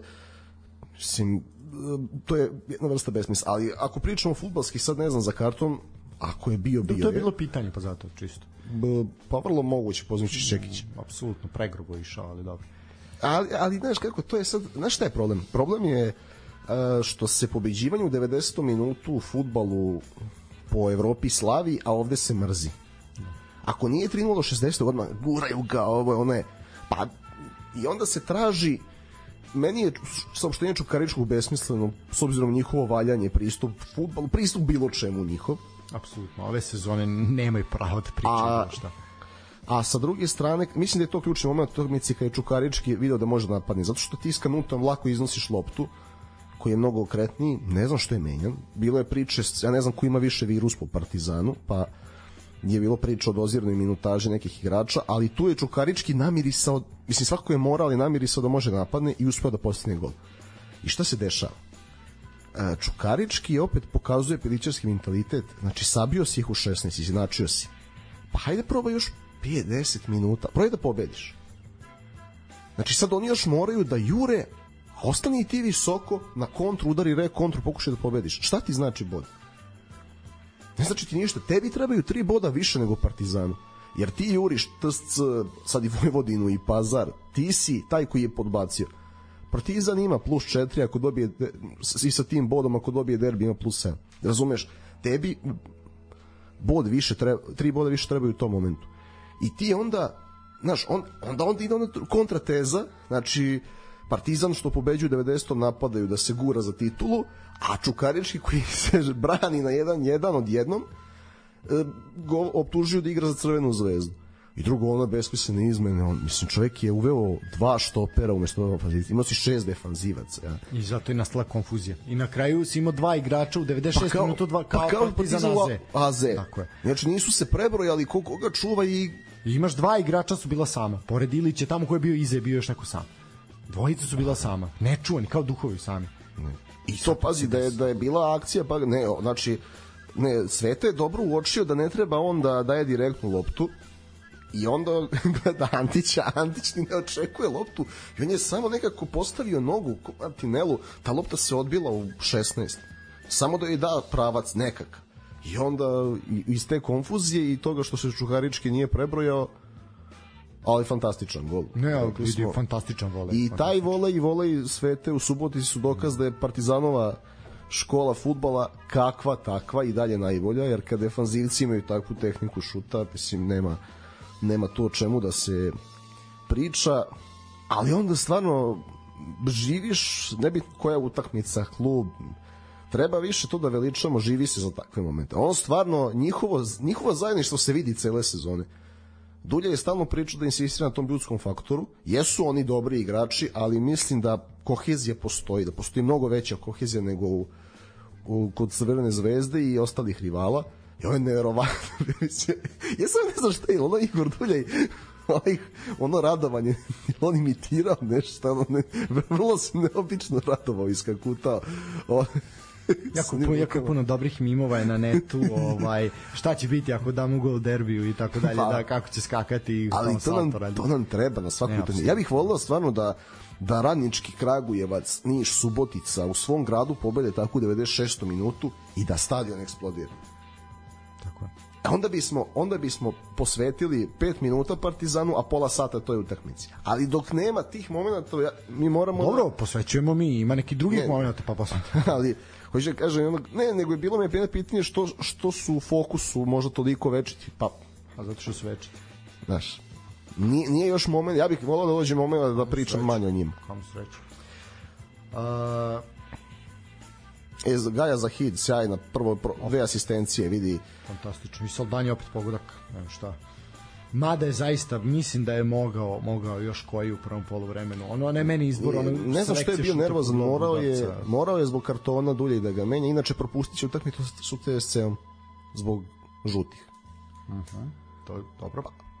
Malo je dokaz njegovog temperamenta i na čemu da radi. Koliko god stvarno ovaj bio jedan od najboljih igrača lige, zasluženo i najbolji strelac i mislim da će i biti do kraja godine, da je onako rešen i motivisan da to bude, a ekipa mu igra dobro ali stvarno mislim da ti kao špici imaš pet, koliko, 4-5 žutih da propuštaš utakmicu zbog žutih o, mnogo je i to kakvu utakmicu pazi, Apsolutno. možda i vreme za taj kiks znaš Pa vidi, o, ovo je sad realno bio bio bio prostor za kiks. Bio je i onaj u pazaru. ali da, ali znaš zašto e, kažem ti zašto mi je ovaj drago da nije Kiks zato što da je Čukarički pokušao da pobedi, ne bi izgubio. Da. Da je Čukarički, ali Partizan, drugo, prvo Jovanović je pod virusom napravio prvu veliku grešku kada je prodao loptu nogom. Urekao sam ga. Ove, za dobru igru nogom u toku sezone. I ja mislim da je Partizan bio na jedan jedan zreo da izgubi u tom momentu. Jer je postava bila takva da loši iznosiš loptu, Belić, Belić je u padu forme zbog virusa, igra sa Šćekićem, nema Saldanje, nema Natha, Menig nije u nekoj formi, Kalulu roviti iz povrede, znači sve se, imaš ih na 1-1 i imaš odbranu, pazi, Ilić je bio jedan loših aktera utakmice. On ima izgleda ima tu sreću ko Bane Ivanović kad igra lošu odbranu da neki volej napred i sve se zaboravi. Ali i, imao si ih na tacni. Kažem ti da pobediš. Evo. I, I onda, pošto uvodiš šest opera i treba da izgubiš samo, samo zato. Tako je. A, to je to što se tiče Superlige Srbije. A, ja bih prešao na rep, rep staciju ovaj u narednom kolu se nećemo baviti to je to je ovaj to je za ovaj, sledeću. to je ovaj to je za sledeću. Uh, slušamo Pixie. Kako ima godina? 18 i šta treba odmah dva tim da igra? Znate moj stav i uopšte stav mog, mog nekog stručnog štaba da želimo svako u našem da, da pružimo šansu ali mora se ide stepenik po stepenik Mislim, to je, to je nešto što sad je neko debitovao za Bayern i ja odmah tim. Pa ne ide baš to tako. To bi ispalo kao da kao čekamo ispred bolnice kad se rodi neko srpče tamo, odmah da ga, da ga stavimo u A tim iz bolnice, bukvalno, ajde da, da ga mi tu rezervišemo i da, pa nije to baš tako. Čudi me da nije, s obzirom da je pričao ovako jakim akcentom, nije rekao rezervišemo, ali ajde nego je rezervišemo, ali dobro dosta Pixi se pretvara jednog nezgodnog dedu ovaj, koji buši deci loptu ovaj, kada, kada ne pucavaju. E, što se tiče ovako, znači spiska, Uh, Dragan Stojković Pixi saopštio spisak igrača na koje računa za meč za plasman na odlučujući meč za plasman na evropsko prvenstvo, rival je Bugarska, a uh, duel je zakazan za 19. novembar u Leskovcu. Što se tiče golmana, Milinković, Savić, Rajković, Petrović i Stanković, znači četiri čuvara mreže. Odbrana Milenković, Gudelj, Veljković, Eraković, Pavlović, Babić, vezni igrači Živković, Radonjić, Maksimović, Ilić, Grujić, Račić, Lukić, Kostić, Mladenović, Tadić, Samarđić i Đuričić. Napadači Vlahović, Ratkov i Mitrović. U suštini ljudi koji su izneli kvalifikacije i koji treba da ih završe. Na zapadu ništa novo. Tako je. Mislim da tu nema nikakve priče. Uh, mislim da taj utakmicu protiv Bugarske mi zaista moramo da rešimo u našu korist i da, tu mislim da i da hoćemo i da tu nema. Zato ja tu ne bih nešto dužio priče nikakve. Uh, mislim da je Pixijeva reakcija na na up, za Mihajla Ilića dobra i mislim da mora malo da se stane u kraj novinarima i da se kaže ok, to što je super je lepo, dao je gol i sve, ali ajde nek idemo redom. Pa za njega je bitnije ono što radi u svom 16 tercu nego u protivničkom. A tu oscil... ne, treba da bude na spisku, ali e, znaš zašto on je bitan kao profil, mislim da može postati modern štoper, ali znaš, novinari ne pričaju to iz tog razloga, niti dubinski da. posmatraju futbol. Da. Što se tiče Ljubinka Drulovića, selektor uh, mlade reprezentacije isto je odredio igrače na kojima računa na, uh, na, uh, na koje računa u duelu sa Engleskom 18. novembra u Bačkoj Topoli, a potom i prijateljski meč sa Luksemburgom. Pa su među golima na tu Veljko Ilić, Andrija Katić, Strahilja Manojlović, opet tri superligaška golmana, Mihajlo Ilić, upravo pomenuti, Stefan Leković, David Petrović, Mateja Đorđević, Uroš Drezgić, Nemanja Đeković, Uroš Lazić, Viktor Organ, Mitar Ergelaš, ponovo dosta, dosta superligaških imena, Aljoša Vasić, Mihajlo Stevanović, Aleksa Matić, Nikola Stanković, Nikola Petković, Aleksa Đurasović, isto slična priča, napadači Nikola Jojić, Miloš Pantović, Miloš Luković, Marko Lazetić, Uroš Kabić, Stefan Mitrović, Vladimir Lučić i Samet Baštar. Dobro, samo je vratio Kabić i Baštara koji to je to. Ali ne, nemaš ni drugo ni bolje. Mislim da je to što je. Apsolutno. Ja, ja moram, nisam gledao tu deku decu iz inostranstva pa da se ogradim da li su bolji od nekog ili nešto. Ovo je najbolje što imamo na oku. Tako je. Mislim, vidi, opet, ja ne očekujem onako ubedljivu pobedu engleske reprezentacije, ali da će biti dobra utakmica i ko može neko ode puta pole, ne gleda mladu reprezentaciju i to svakako. Sigurno. Uh, ono što bih ja rekao i čime bih završavao polako ovaj ovu pošto ćemo uleteti kupeku, a neke teme ćemo ostaviti za sledeći put. Ja neke vesti koje možemo i sledeću prokomentarisati sledeći put. To je najava utakmice između Vojvodine i španske La Rioje. E, Vojvodina je slavila, rekao smo, u gradskom derbiju, da ga tako nazovemo, protiv Jugovića iz Kaća. Bilo je na kraju 17 razlike, iako je ovaj bilo bilo dosta gusto. Ovaj Kaćani su smenili trenera, nakon toga došao je ovaj iskusni iskusni Đuro Tojagić, ovaj iskusan kao igrač, a boga mi iskusan i kao trener već sad ovaj iako je mlad, dugi dugi niz godina je već ovaj trener i vrlo dobro poznaje poznaje ovaj superligaške, a i ne samo superligaške ovaj igrače i situacije na u klubovima, tako da eto neko ko je bio izabran za trenera druge ekipe Jugovića, sad je promovisan u, kao trener prvog tima. Što se tiče Vojvodine, standardna izjava Rojevića, oprezno, možemo do bodova, ali oprezno. E, Vojvodina sutra od 18.45 na Slanoj Bari e, igra utakmicu sa Lariohom, e, utakmica koja će biti izuzetno zanimljiva, utakmica koju vredi otići pogledati.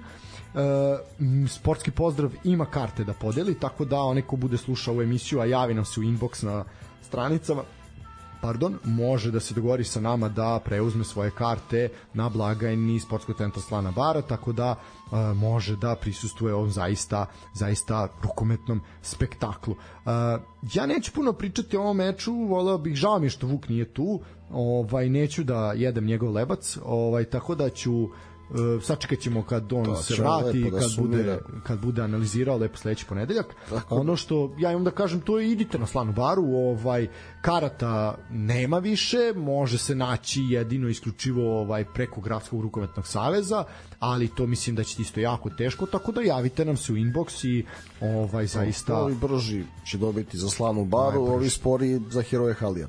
Tako je. Dogod se bude vrtelo dobićete karte. Samo nek se ne vrti dugo kao selo gori ovaj Boga mi, boga mi, boga mi. Uh, šta još imam da kažem? Ništa, u suštini uh, Vojvodina pobedom zaista onako se bliži bliži ovaj tom prolasku i zašto da ne i prvo mesto u grupi iako ima još ovaj utakmici sa Alkaloidom kući koja će isto biti bitna ovaj ali jednostavno ekipa je jedna od retkih ovaj ekipa koji zaista veruju u svoj sistem i ono trust the process ovaj i to donosi rezultate Tako da, ozbiljan rukometni spektakl, isto ono što smo imali protiv Silkeborga, isto ono što ćemo imati protiv Alkaloida. Biće dobro, ali očekujem eto, pobedu Vojvodine jak domaći teren na Slanoj Bari.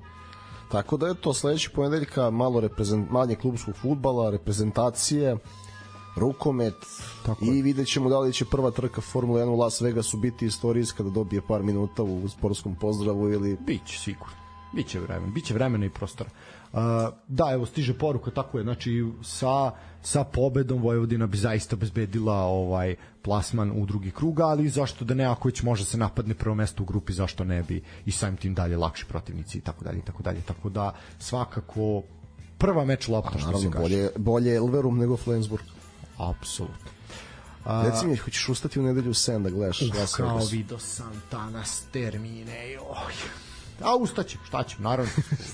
šta ću, mislim, ono. Nema spavanja. Pa nema spavanja, da, ne nema. možete vi da budete svetski prvaci, da. da spavate. Tako je, o, kad smo kod izbora. A, dobro, ljudi, to je to. Ovo je bio 152. sportski pozdrav. A, nas dvojica smo bili sami, dvojac bez kormilara, Vuka nema, ali smo mi ispaljivali aforizme. A, eto, nešto više od dva sata smo se družili, zaista smo pričali o svemu. A, podržite nam, hvala svima koji su platili a, neki dinar, to nama zaista zaista znači vaša simbolika ovaj nama znači da a, tu plaćamo šta trebamo i da makar mi ne budemo u minusu ako ako ne nešto više a, hvala svima koji se javljaju hvala svima koji šalju sadržaj a, uživajte, javljajte nas, slušajte nas, zapratite ne, nas na društvenim mrežama. Šaljite pitanja, kritike, da se mi popravimo, a odgovor ćete uvek dobiti. Ako može bolje, ako ne, već smo najbolji. Uživajte, lako noćemo.